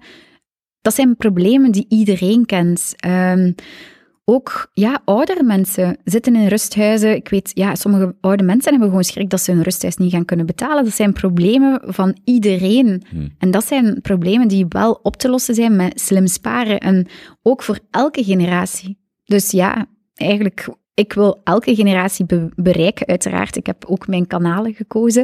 Ik zit nu voornamelijk op Instagram met slim sparen. Ehm, ik doe dit ook allemaal on the side. Hè? Dus voor alle duidelijkheid, ik heb een fulltime job. Eh, ik ben ook nog gezicht voor GG Poker. Hmm. Ehm, ik ben eh, daarnaast ook een boek aan het schrijven. Ehm, ik ben ja, ook voor, Bor ja, voor Borgerhoff en Lambrechts, ehm, de uitgeverij, nog wat andere dingetjes aan het doen. Dus ja, het is allemaal on the side. Maar wie weet, ooit kan dat wel iets groters worden. En kan ik daar inderdaad misschien wel een breder publiek mee gaan aanspreken. Maar je moet altijd beginnen met wat is uw ideale klant. En als ik zeg wat is mijn ideale klant, dan is dat gewoon iemand van tussen de 25 en 35. Idealiter nog jonger, want hoe rapper je begint te beleggen, hoe beter. Ehm, maar nu op vandaag is dat tussen de 25 en 35. In de fleur van zijn leven, keihard aan het werken, maar ook veel aan het uitgeven. Veel aan het spenderen, ehm, misschien onbewust aan het spenderen, die echt een goede money check en ja, gewoon sensibilisatie nodig heeft. Dat zou ik durven zeggen. Is er een verschil tussen mannen en vrouwen? Ja, wauw, ongelooflijk eigenlijk dat je het vraagt. Ik dacht, ehm, het idee was slim sparen voor vrouwen, omdat ik een vrouw ben en omdat je dan automatisch op een bepaalde manier vrouwen makkelijker aanspreekt uit te werken. Maar ik dacht, en dat was vooral in de beginfase van slim sparen, mannen praten graag over geld. Hè. Ehm, ik merkte dat vanaf dat ik een Wacht, post dat, maakte. dat was een hypothese of dat was een... Dat was gewoon zo. Vanaf dat ik een post maakte op Slim Sparen, of zelf op mijn gewoon Charlotte van Brabander account, ja, over beleggen, dan ja, kreeg ik veel DM's van mannen. Ja, wat vind je van dit aandeel? Ik heb dit aandeel gezien en wat doet je daarmee? En ja, dat bracht gewoon conversatie op gang, maar er waren nooit vrouwen die reageerden. Dus ik dacht, oké, misschien moet ik me inderdaad meer focussen op die vrouwen. Maar ik heb dat nu niet gedaan, bewust, omdat ik dacht, ja, ik ben nu ook eigenlijk geen feminist en totaal niet. En iedereen is gelijk voor de wet en we zien wel. En ik wil gewoon het heel breed trekken. En eh, wat merk ik nu? De mensen die mijn cursus kopen, tegen alle verwachtingen, ik dacht dat dat vooral mannen gingen zijn, Hmm. eh, zijn vooral vrouwen. Dus ik heb toch wel 80% van de mensen die instappen in mijn cursus zijn vrouwelijk. Vooral ook ondernemers, ondernemende vrouwen. Dus dat is wel leuk om te zien. Ehm, anderzijds denk ik ook, ho, mannen, ik ben zelf denk ik meer man dan vrouw in mijn beleggerstijl alleen al. Eigenlijk zouden de mannen er meer aan hebben zelf nog, want ik denk dat mannen veel, en dat is ook bewezen, ik heb heel veel artikels ook al gelezen intussen, mannen denken er minder over een belegging na en gaan iets meer risico gaan opzoeken.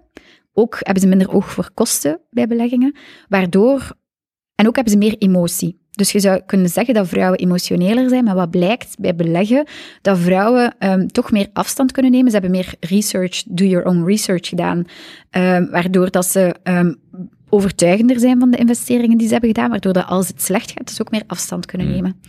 Mannen zien altijd nieuwe opportuniteiten. Ah, dat, dat, die hype wil ik niet willen missen. Ehm, de Robin Hoods van deze wereld. Eh, waardoor dat ze... Allee, ik spreek nu heel stereotyp. Uiteraard zijn er ook eh, uitzonderingen. Ik, ik behoor meer langs de kant die op alles zou springen. Dus ik heb mijn eigen checklist die ik ontwikkel, ontwikkeld heb zeker en vast nodig. Maar dus, ehm, wat zien we? Dat er... Dat ik denk dat mannen nog meer baat bij mijn cursus zouden hebben dan vrouwen. Want ik merk ook vrouwen die de cursus hebben gekocht, die, die hebben die dan helemaal gedaan en dan sturen ze nog berichtjes. Charlotte, welke ETF zou ik kopen? Deze of deze? En dan is dat voor, in mijn ogen, twee keer dezelfde. Welke zou de beste zijn? Dan denk ik, doe gewoon. Ja. en die zijn zo voorzichtig. Stop thinking, start doing. Ja, ja het is eigenlijk ook wel goed, hè, want ze gaan echt heel kostenbewust om. En elke halve procent is op lange termijn echt Hmm. gigantisch veel geld waard. Het is daarom dat ik zeg, leer zelf beleggen. Want als je het via een bankier doet, dan heb je instapkosten, beheerskosten, uitstapkosten. En ja, voilà. Dus ehm, ja, voor alle duidelijkheid, ik, ehm, ik wil voor iedereen toegankelijk zijn en met veel plezier. En ik, bij voorkeur ook voor elke leeftijd. Eh, en ik denk dat ik dat op vandaag de dag wel ben, omdat ik inderdaad ook in traditionele kranten kom, maar ook op meer de social media kanalen. Ehm, en dat vind ik eigenlijk zo leuk, omdat iedereen andere vragen heeft. Die, want dus de beursrally, dat loopt nu, dat is dan, ik ken het niet zo goed, maar dat is dan 60 dagen met de tijd, of 100 dagen een reis, een, een, een reis. Een, Acht eh, weken, ja. acht weken, en dat is vanuit de tijd, en eigenlijk gaat het dan puur om je rendement na acht weken. Ja, Dat ik is wel sneu. serieus min. ik, sta, ik, heb, ik heb eigenlijk... ehm, we Maar dan dat toch ook meer een lot, allee, zo, je moet gewoon op acht weken Ja. hoogste rendement halen. Voilà, en ik, ik sta nu ook geregeld elke week, denk ik, met mijn portefeuille in de krant. Dan denk ik, oh shit. ik sta altijd min, ik denk dat ik nu, ik durf zelf niet meer kijken, min 15%, min 20% sta. Mm. Maar ik heb ehm, dus de beursrally... tech, eh, tech-aandelen gekocht. Ja, Of gekozen. ehm, tech, maar vooral allemaal aandelen gerelateerd aan crypto. Mm. Want we hadden dus de dippen eind november, dus ik dacht, oké, ehm, ja, er was veel voorspelling. Allee, mijn gut feeling had zoiets van, ja, oké, we gaan hier echt nog rallyen, eindjaarsrally, eh, zullen we nog wel zien. En uiteraard, je moet wel een hoger risico pakken, want het is maar acht weken. Mm. Dus ehm, hoe hoger, allee, als je binnen, hoeveel mensen doet er mee aan de beursrally? Echt, het gaat over gigantisch veel. Als je daarvan wilt winnen, dan moet je gewoon een gigantisch hoog risico nemen. Want anders ga je een gemiddeld rendement hebben, maar gemiddeld gaan we niet gaan winnen. Dus eh, ik heb vooral crypto-aandelen gekocht. Die hebben De, wel, de welke dan? Riot, Mhm. blockchain, eh, Mara, MicroStrategy, die ook veel op zijn balans heeft staan. Eh er was er nog eentje, kan er niet op komen. Kan er niet op komen. Hmm. Ehm, nog iets met blockchain. Zwat. Ehm, in ieder geval heel veel van die aandelen gekocht. Ehm, omdat je natuurlijk niet rechtstreeks in crypto kon eh, inkopen. En ja, zware klappen gekregen. Nu is het zich weer aan het herstellen. Maar ja, Het is gewoon een beetje dwaas bij zo'n wedstrijd. Wat je eigenlijk aan mensen wil tonen, is niet hoe haalt je op acht weken het hoogste rendement, maar hoe haalt je op eh 80 jaar of zo, bij wijze van spreken. Dat vind ik altijd zo'n beetje sneu bij zo van dat Ja. soort. Dat is gewoon, je doet, je, doet je picks, niemand weet wat er morgen gaat komen en je wint mogelijks. Dat is Mhm. gewoon veel kans, weinig kunde, denk ik. Voilà. Tenzij dat je eh, vijf keer per jaar, zes keer per jaar die Mhm. rally zou doen en dan zien na tien jaar wie is nu de beste Ah, consistente. wel, en ik doe ook mee aan zo'n wedstrijd. Mm. Dus ik doe mee aan de langste beurswedstrijd ooit. Eh, en die loopt tien jaar. Hm. En dat is met Pierre van Heulenbroek. Wa- Wanneer is die gestart? Ehm, deze zomer, ehm, ik weet toen dat ik Golden Nugget had gekozen, die zijn gigantisch gestegen, maar die staan nu weer op all-time low. Ehm, ja, is wat, ik laat het los. Ik weet, je mocht één transactie of... Ik moest wel een keer in de spelregels moeten duiken, maar je mocht één of twee transacties per jaar doen, dus daarmee dat ik er ook gewoon niet naar kijk. En eh, misschien moet ik inderdaad nog een keer gaan heranalyseren na een half jaar, wat ik kan doen. Maar het is wel leuker. We hebben, dat, we hebben dat vorig jaar met maten gedaan. Want ik ben aan het denken om de portfolio erbij te pakken, maar mijn laptop ligt achter. Maar ehm, we hebben 1 januari 2020, klopt dat? Of 21? Nee, ik denk 2020, dat is twee Mhm. jaar geleden bijna. Hebben we gezegd, we gaan op 10 jaar beleggen. Je Mhm. krijgt 100k virtuele portfolio, of eh, je krijgt gewoon een startpunt. En na 10 jaar gaan we naar IJsland. En de grootste loser betaalt het duurste, zijn de hotels of de Ah, vluchten. De andere betaalt het tweede duurste, zijn de hotels of de vluchten. En de derde betaalt de inkomen voor de Blue Lagoon. Dus het goedkoopste. Cool. Dus de winnaar krijgt gewoon het goedkoopste en de loser. En dan hebben we dus eh, een portfolio samengesteld, Jonas, Benjamin en ik. En eh, ik, heb hem, ik heb hem al even niet meer gekeken. En ik dacht dan, ja, gewoon op 10 jaar, pak gewoon 70% bitcoin, 30% goud. En we zien wel, dat zal wel lukken. en een andere heeft zo, Benjamin heeft zo, ik denk 50% Tesla. Ook zo vooral groei, Ja. groeigericht. En dan Jonas is de meer conservatief, heeft zo 50% IWDA of een andere wereld, wereldtracker. Zijn, zijn idee was, ja, ik hoef dat niet te winnen, maar ik ga tenminste niet helemaal verliezen. Ja, pas op. Ja. We zullen zien. En ook zo'n beetje Gazprom en zo. Dus zo, de- ja, gewoon, ik vond dat wel cool om zo mijn maten zo, want dat loopt dus nu twee jaar.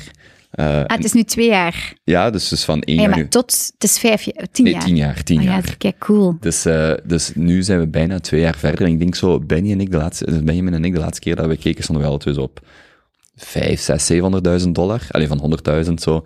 En eh Jonas, ik denk zo 150 of 200. Maar dat is echt zo, dat, zo, zoiets vind ik al Dus hij heel is maal cool. twee gegaan. Ja, ja, Met zijn, zijn trekker. ja. Ja, eh, Ouch. alleen met zijn trekker. Aha, Bitcoin heeft het toch keigoed gedaan? Ja, ja, maar wij zijn, wacht, in, in, toen ik Wanneer zijn jullie gestart? Eh, Bitcoin stond op 8000 dollar. Ja. Maar hij heeft, Jonas heeft dus IWDA en dan 20% Gazprom. Dan heeft hij ook een paar miners, maar gewoon Mm. grondstoffen miners.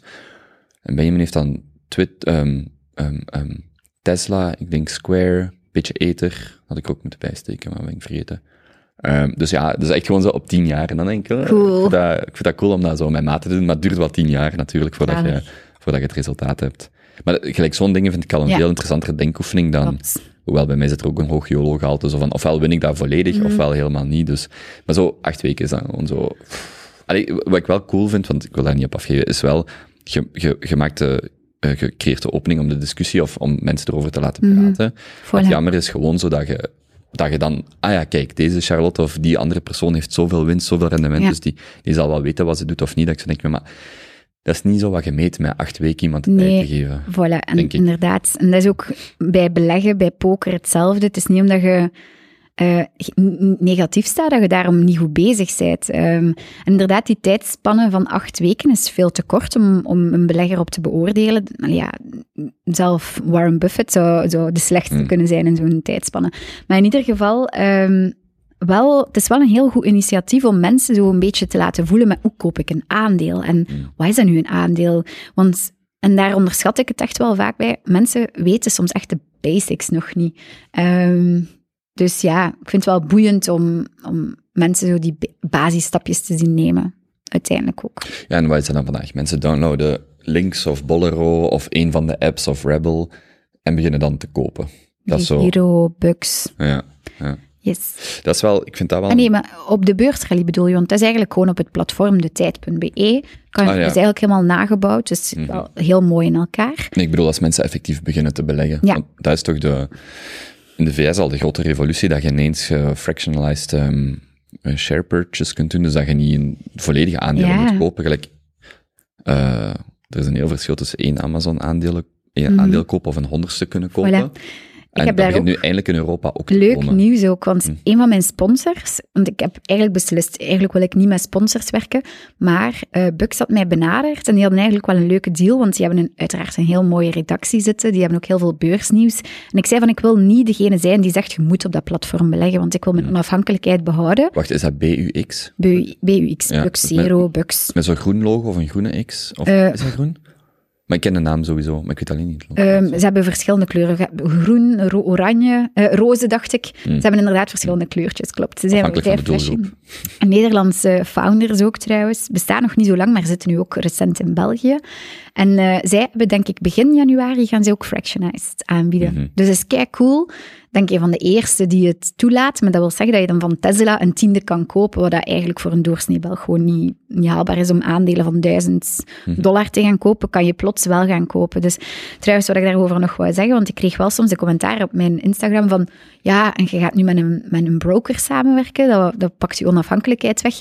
Ik ga nooit zeggen, gebruik Bux. Ik ga gewoon zeggen wat de voordelen zijn van Bux. Ik ga zeggen wat de voordelen zijn van een DeGiro, van een Bink, van een Bolero.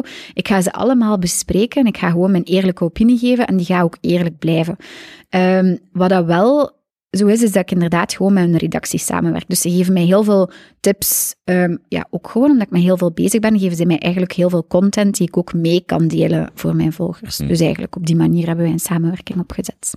Ja, aan zich is dat ook niet negatief of zo, dat je je verbindt met iets. Het is maar wat je daarvan Mhm. maakt. Maar ik vind het belangrijk, want ja, je moet vooral op lange termijn denken en ik wil die integriteit wel behouden en ik wil gewoon, ja, ik wil niet ook een bank worden of een broker worden. Nee, ik ben Charlotte en ik ben zelf gewoon de girl next door die belegt, die uit haar eigen ervaringen blijft spreken. Dat vind ik wel heel belangrijk. Hoe, hoe ziet voor u dan de toekomst eruit met al die dingen waar je mee bezig bent?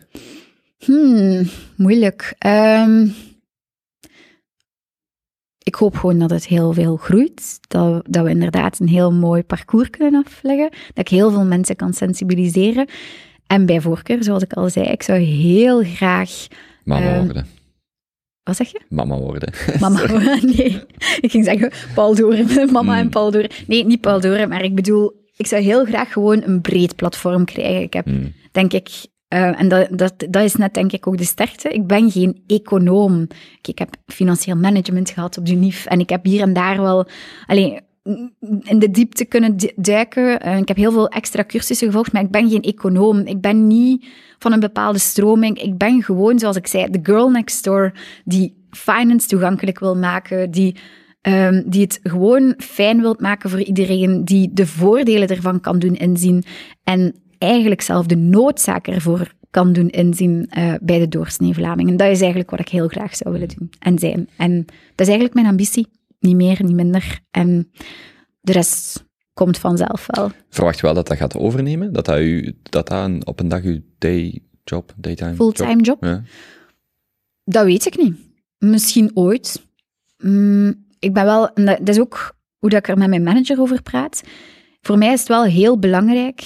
Ik ben iemand die altijd wel zekerheid nodig heeft, wat ik ook gezegd heb. Die, dat lineair denken, dat maandelijks vast inkomen, dat geeft mij wel rust op een bepaalde manier.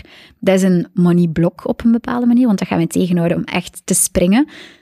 Maar dat is ook wie dat ik ben. En ik wil dat ook niet verloochenen. En op dit moment geeft mij dat gewoon een heel goed gevoel. En ik wil dat eigenlijk ook op die manier behouden, omdat ik het nu nog kan combineren. Wat ik wel over aan het nadenken ben, is om inderdaad wel iemand ehm, meer achterliggend werk te laten doen op slim sparen. Want ik zit nu alles te doen. Ik stuur mijn facturen uit, ik eh, doe mijn social media, ik ehm, ja, daar, doe al mijn mails die ik binnenkrijg. Ehm, mijn PR doe ik allemaal zelf. Mijn boek ben ik ja, uiteraard zelf aan het schrijven, maar ik kon er ook een copywriter voor gekozen hebben.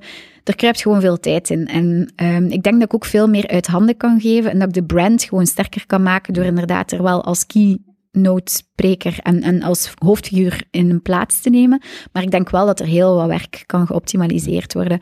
Wat ik wel volgend jaar zou heel graag doen, is ehm, meer live seminaries geven, waarbij dat ik echt met ondernemers ga samenzitten, twee dagen na elkaar, om rond money mindset, maar ook een personal finance te gaan nadenken. Ehm, of ook gewoon met gewone particulieren. Dus daar ben ik wel ook meer ehm, een aanbod aan het creëren. Als ook, eh, en daar heb ik mijn eerste klant al, eh, zou ik ook graag een programma ontwikkelen voor kinderen. Dus ouders die zoiets hebben van, oké, mijn kinderen die, zitten hier altijd geld uit te geven op hun apps. Hmm. Of eh, ja, die, die vragen elke keer als we gaan winkelen, vragen ze de stomste materialistische dingen. We willen ze een betere geldontwikkeling geven. Ehm, daar ben ik ook een aanbod voor aan het uitwerken om echt bij kinderen tuin, thuis in gezinsverband te gaan werken rond geld, rond beleggen, rond compound interest, rond inderdaad wat zaken eh, die, die hun visie op geld gaan veranderen. Een beetje ook vanuit het idee, eh, het boekje eh, Rich Dad Poor Dad, Ehm, de principes die daarin staan om die echt over te brengen op kinderen, zodat ze eigenlijk ja, niet alleen geconditioneerd worden door de money blueprints van hun ouders, want die worden van generatie op generatie overgegeven, maar dat ze eigenlijk ook heel rationeel en zelfbewust hun eigen eh, money blueprint kunnen gaan uittekenen. Dat is eigenlijk een beetje mijn bedoeling. Mensen kunnen volgen op @slimsparen en is het ook Klopt. slimsparen.be? Of Nee, dat is van een verzekeringsmakelaar in Veurne. Ja. zo eentje. ja, Trouwens, eh, side note, amazon.be ja. is ook van een verzekeringsmakelaar. makelaar, Als ik het mij goed herinner. Wauw. Dus die zijn domeinnaam is waardevoller dan zijn bedrijf. Ja, inderdaad. Eh, nu dat je dat zegt van een verzekeringsmakelaar die eh, een domeinnaam eh Maar- voor heeft gekozen. Zwat. Ik, ik, heb er, ik heb er gisteren met iemand over gebabbeld, ehm, dat ik inderdaad mijn merklabel, of hoe noemen ze het, merknaam moet eh, Hm. kopen. zodat slim sparen van slim sparen van mij is dus. Ehm, maar ja, dat zijn, van die, dat zijn zo van die dingetjes die ik wil uitbesteden. Iemand dat even in orde wil laten brengen. Want er zijn zodanig veel dingen dat ik wil doen. Ehm, dat cryptofonds. eh, er zijn nog heel veel zaken die allemaal leuke ideeën. Ik, denk gewoon dat ik een markt heb aangeboord die heel veel opportuniteiten biedt. Die ehm, super interessant zijn. Er zijn zoveel business-ideeën die mij, in mij opkomen. En dat, dat eerste de eerste voeling die ik nu krijg met ondernemen, de eerste cursus die ik verkocht had, mij door mijn huis moeten zien rondspringen, dat geeft zo een voldoening. En die verkoop nog minder dan de positieve reacties die ik dan achteraf krijg, dat maakt mij gewoon helemaal warm. Net voor ik naar hier kwam, was ik trouwens een cadeautje voor mijn oma gaan kopen in, eh, een- in een parfumerie. En de mevrouw die mij aan het helpen was, zei dan... ehm, ik had mijn mondmasker aan en ze zei... Ja, ehm, ja slim sparen, echt kei boeiend, hè? Echt. En ik dacht... Wat? Mm. Vroeger was ik altijd het meisje van HLN, omdat ik daarop stond met mijn pokeractiviteiten. En nu ging het om slim sparen. En ik dacht echt van, yes, echt gewoon hier in de stad iemand die mij begint te herkennen. Dat is echt waar ik naartoe wil. Ehm, en ja, ik geniet daar ook wel van, om, omdat ik weet, niet zozeer ik word bekend, maar eerder van, oh cool, ik heb die haar leven misschien veranderd. En hoe jonger dat de mensen zijn die mijn cursus kopen, hoe meer dat ik denk van, ja, cool, dat is echt iemand die, die nu al begint te beleggen. Cool, die heeft zo'n mooie horizon. Eh, daarom dat ik ook bijvoorbeeld een studentenkorting aanbied van 30% aan alle studenten eh, die mijn cursus kopen. Ja, die hun leven, die, ja, door, door gewoon te leren beleggen, als ik de persoon kan zijn die in hun leven zegt van, hey, stop met dat sparen op je rekening, doe dat. Ja, dat kan toch wel een gigantische impact hebben. Toch? En dat is toch, allee, dat is toch leuk? Niet? Ja, com- compounding gaat niet alleen financieel, gaat ook eh, intellectueel of qua kennis. Exact. Dus hoe vroeger je daarmee begint, maar dat geldt, dat geldt voor alle dingen. Voilà. Hoe vroeger je er eh, blootstellingen hebt, wil Ja. niet zeggen dat je er per se mee verder gaat, maar je hebt tenminste die blootstelling gehad. En ik denk dat dat heel Ja. belangrijk is. Ik denk inderdaad, compounding interest, sinds ik het nu, ik denk twee jaar geleden leerde ik het kennen. Ik heb toen ook gezegd van, dit is niet enkel financieel. Ik heb het ook zo gedacht van, dit is ook op ondernemen zo. Als je inderdaad leert exponentieel nadenken en niet lineair nadenken, wat dat veel moeilijker is natuurlijk, hè, exponentieel leren nade- nadenken, maar dan gaat je doelen hoger zetten, dan gaat je inderdaad je minder limiteren, dan is alles mogelijk. De vraag is gewoon hoe, en dan doe het, en dan komt het er ook. Dus het is echt, ja, het is super, ja, dus ehm, ik vind het eigenlijk gewoon, ben gewoon gepassioneerd erdoor. Hmm. Ik zou het zo durven zeggen. En ik hoop het gewoon over te geven op andere mensen die, eh, die ehm, hetzelfde pad dan als mij kunnen bewandelen. Is er iets wat ik u ben vergeten te vragen of nog moet aanhalen? Ehm behalve dat mensen u uh, slim sparen kunnen volgen en u persoonlijk. Is er iets wat, ik, wat je nog dacht dat we zouden bespreken? Hmm, ja, misschien. Soms krijg ik wel zo commentaar van, je hebt dan wel een schone chakos en je praat over minima- minimalisme. Ik vind vooral ehm, dat mensen bewust moeten dingen kopen en dingen die een waarde geven. En ehm, wat ik misschien nog wil meegeven is, iedereen heeft zijn enough. Dat is eigenlijk een moment in je leven waar dat je, als je nog meer gaat kopen of nog meer geld hebt, dat dat je niet per se meer gelukkiger gaat maken of niet per se meer, ehm, ja, meer eh, dingen gaat geven als, of ja, return on spending eigenlijk. Dus een punt waarop je return on spending eigenlijk gaat beginnen verlagen in plaats van dat het naar omhoog gaat. En ik vind het vooral belangrijk, ga mensen niet gaan beoordelen op welke kleren dragen ze, op wat hebben ze. Ga eerder gaan kijken naar je eigen van, wat is het mij allemaal waard wat ik hier aan het uitgeven ben?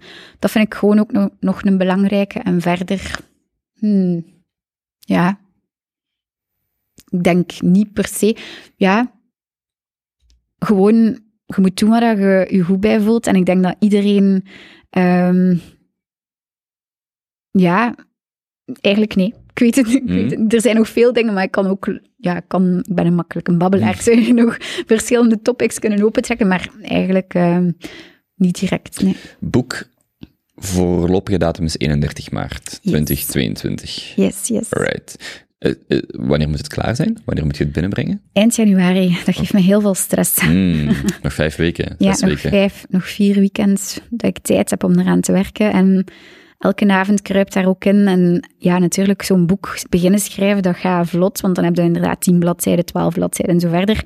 Nu zijn het er 170, dus, en ik heb ze ook niet allemaal mooi lineair geschreven, dus soms heb ik keer daar geschreven, dan daar, dan daar.